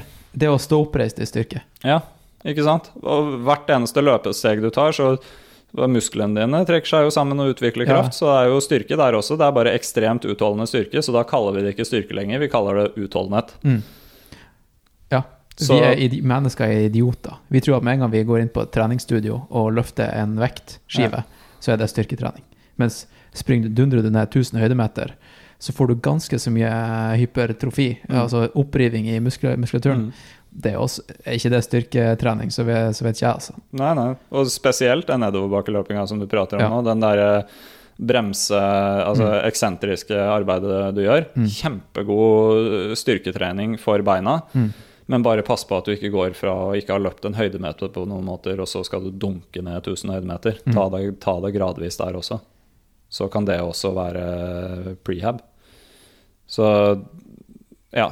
Bruskskader er noe jækla herk, så, så gjør det du kan for å, for å unngå det, i form av gradvis oppbygning og, og av kilometer med løping og, og styrketrening. Og så liksom prinsipielle forskjeller mellom sene og muskelskader. Si en, muskel, eh, en liten muskelstrekk eller en liten avrivning kontra en liten avrivning i en sene, eller sånne mikrorupturer. Mm. Prinsipielle forskjellen der er at når du er skada eh, For en muskel så bør du hvile den helt eh, i større grad i starten. Eh, og så bør du begynne å gradvis bygge den opp med lette, lette, lette styrkeøvelser, kontraksjoner. Mens, og den blir fortere bra igjen. Det er masse blod i omløp. Eh, det fikser seg mye kjappere. Mens en scene, eh, den trenger etter en periode med hvile, og når du begynner å trene den opp igjen, så trenger du mer mekanisk drag. Altså du, du trenger de tåhevene som du snakker om, og du trenger uh, nok belastning til at du får et sånt mekanisk dragstimuli til å bygge opp den scenen igjen. Det holder ikke med lette, lette kontraksjoner litt her og der. Du må ha mer power på det. Og det er ok å gjøre det med smerte også. Ikke sant? Mm. Det er, ja. Da, faen, for en episode. Og jeg håper ikke folk har gått rundt og liksom, at vi har skapt en sånn her eh, placeboeffekt, en sånn skadebølge nå, at alle føler går rundt og kjenner på skader. Ja. Eh, Dere er ikke skada, folkens. Nei, og det, det er jo det vi innleda med også, når vi, når vi snakka litt om definisjonen av, av skade, og hvordan vi definerer oss selv. Ta også, ta også ikke let etter noe som kan være en skade. Og hvis du skulle være så uheldig og, ikke kunne løpe på en uke, så har i hvert fall jeg lært at jeg skal ikke definere meg selv som skada av det. Jeg vil heller si, si at eh, OK, jeg, jeg går inn i en liten alternativ treningperiode. Du er bare i en ny fase i livet. Du er ikke skada. Nei, men det er sant, da. Men kan vi ikke finne kan vi, Klarer vi å finne altså, et annet ord enn det å være skada, som ikke blir sånn mongo-klisjé? Nei, jeg blir hindra i en kort periode Ja. til å gjøre det jeg liker aller best. Ja. En liten fartsdump. Ja, en fartsdump. Det er ikke mer enn det. Nei. Uh, skal vi si det sånn, eller? Vi sier det sånn. Uh, jeg føler egentlig vi har eh, Som man sier på godt eh, norsk eh, Beat that horse to death. Ja. Rett og slett. Og um, neste episode, den skal Neste intervju, det er i morgen kveld. Klokka ti på kvelden. Og da skal jeg Den er så sein fordi at eh, det er et, en telefon med USA. En telefon med USA. En, en telefon med USA. Det er til han Donald Trump. Shit. Det er ei som heter Selina Haga. Mm. Hun er, hun er MMA-fighter, hun er løper og klatrer. Og hun har flytta fra Breaking Bad-byen Albuquerque til Denver. Mm. Og jeg hørte hun på en klatrepodkast, som er min favorittklatrepodkast, som heter The Enormal Cast. Og jeg tenkte shit, altså. Hun her, hun er norsk og bor i USA, og, og var for første gang eh, på en podkast, på en amerikansk podkast. Og det var sånn jeg hørte om henne, og tenkte jeg faen, det er en skam at, eh, at hun var på en Normalcast før nå er det alvor. Så i morgen skjer det. Mm. I morgen skjer det. Og så skal jeg ha en podkast med han eh, Hva han heter han? eh, Sindre Kolbjørnsgard, Mm. som gikk Norge på langs. Nettopp. Shit. Det er langt. Og så skal jeg podde med han Olav Engen. Det er jo det er? ultraløpeguru numero uno. Ikke bare det, men jeg skal podde hjemme hos han på hans 70-årsdag. Ai, ai, ai. Det er stas. Det er stas. Og er jeg tipper han har en god del erfaring å dele, og en god del historikk. Det tror jeg på. Så skal vi si det sånn, eller, Askild? Kult. Så får du bare ha lykke til i din eh, rehab og um, i din eh, nye fase i livet. Ditto. Over og ut. Roger og Knut.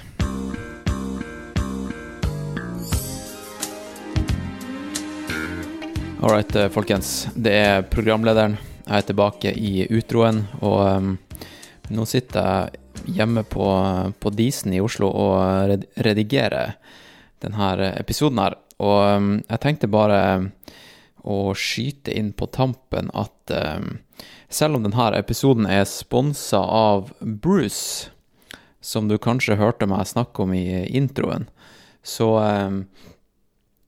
så er jo denne episoden, eller alle episoder, hele podkasten, den er jo crowdfunda.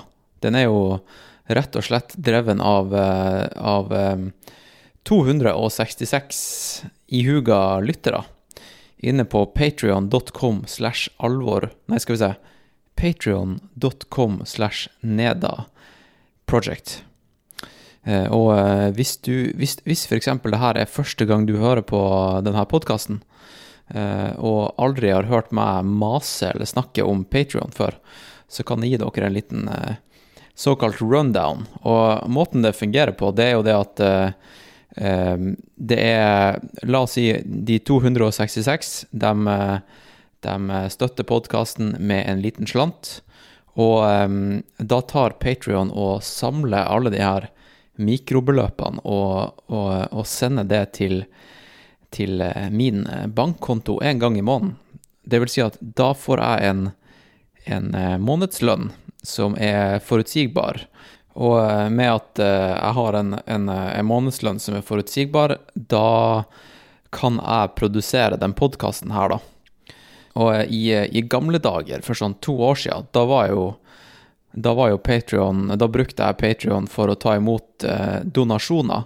men nå er Patrion rett og slett en betalingsmur. Så eh, hvis du melder deg på mest bang for the buck-pakka på, på Patrion-sida, så får du da tilgang til veldig mange episoder av podkasten som ikke er tilgjengelig på de her eh, gratisplattformene som eh, Apple Podcast eller eh, Spotify eller jeg vet ikke hvor du hører på podkasten nå, kanskje inne på Castbox eller eh, noe sånt.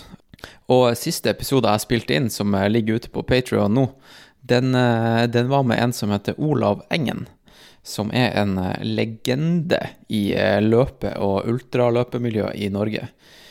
Så hvis du, er, hvis du driver med ultraløping, eller jeg vet ikke, bare løping generelt, da må du nesten bare høre denne episoden her, fordi det er eh, Jeg spilte inn episoden hjemme hos han Olav for et par dager siden, på, på selveste 70-årsdagen hans.